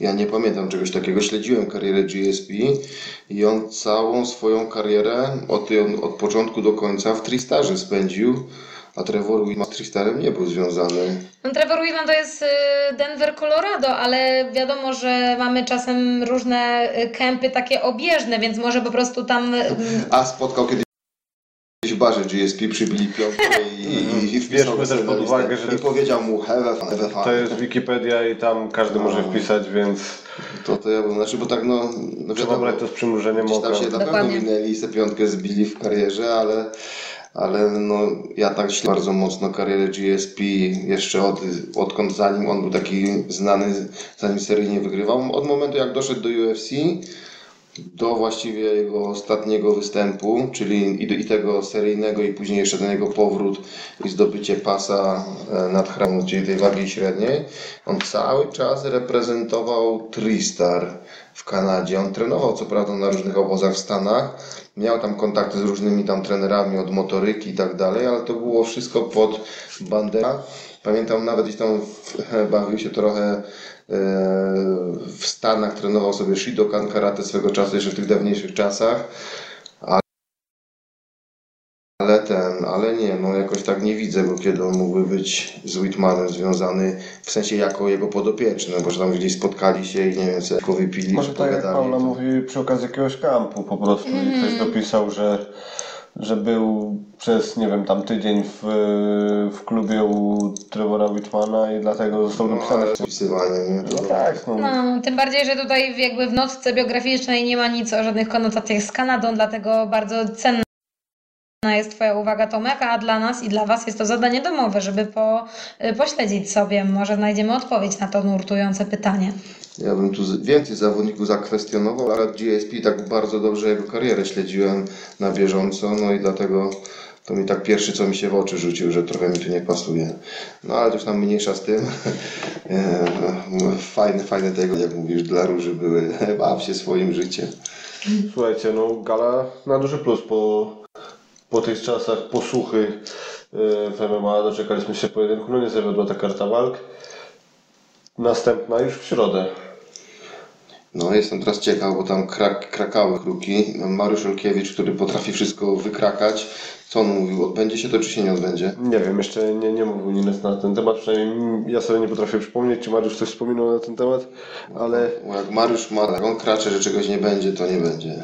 Ale ja myślę, że jak ta gala się odbyła, y, to już nie będzie problemów z następnymi. To była taka karta przetargowa No w tych takich właśnie. ciężkich czasach. poczekajmy jeszcze na wyniki. To wczoraj o tym mówiliśmy, to tak. wiem o czym chcesz powiedzieć, bo no Jacare, na którego no, czekaliśmy na jego walkę, ona się nie odbyła, no, wypadła z powodu tego zakażenia koronawirusem.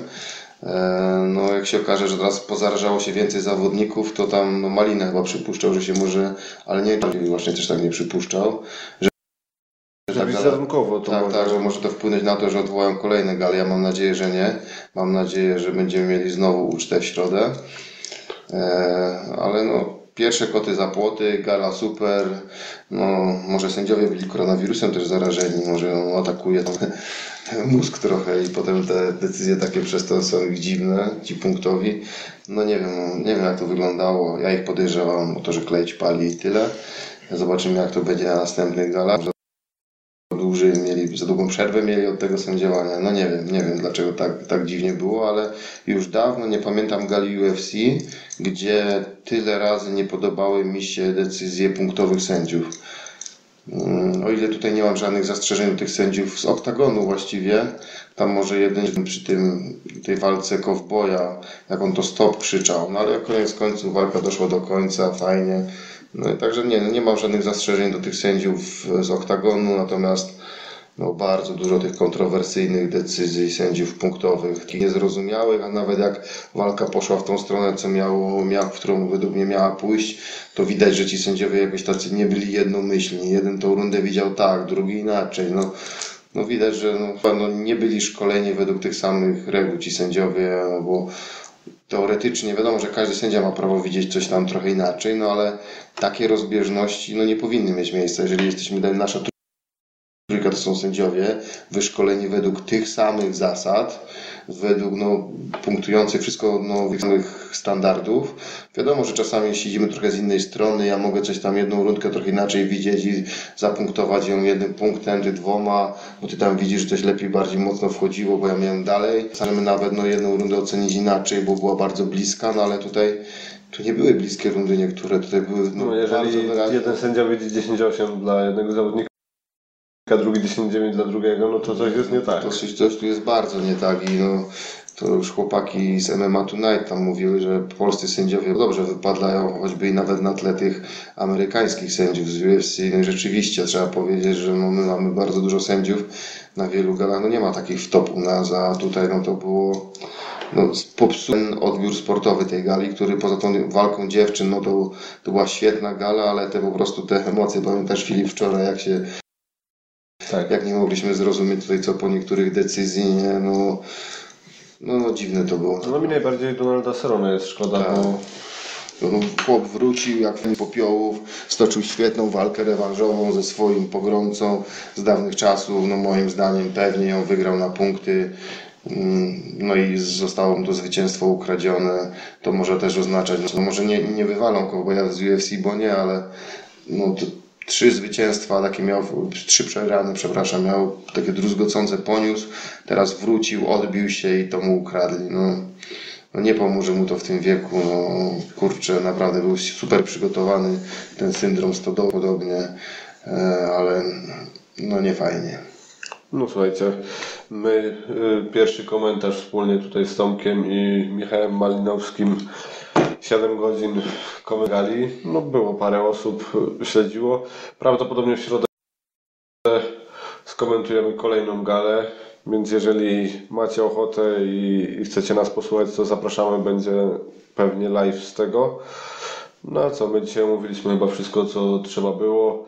A dzisiaj pod ze mną współtworzyli Paulina Klimek, Dziękuję wszystkim. Tomasz Jeruszka Dzięki, siemaneczko, i Filip Błachut. Dziękujemy Wam serdecznie. Trzymajcie się.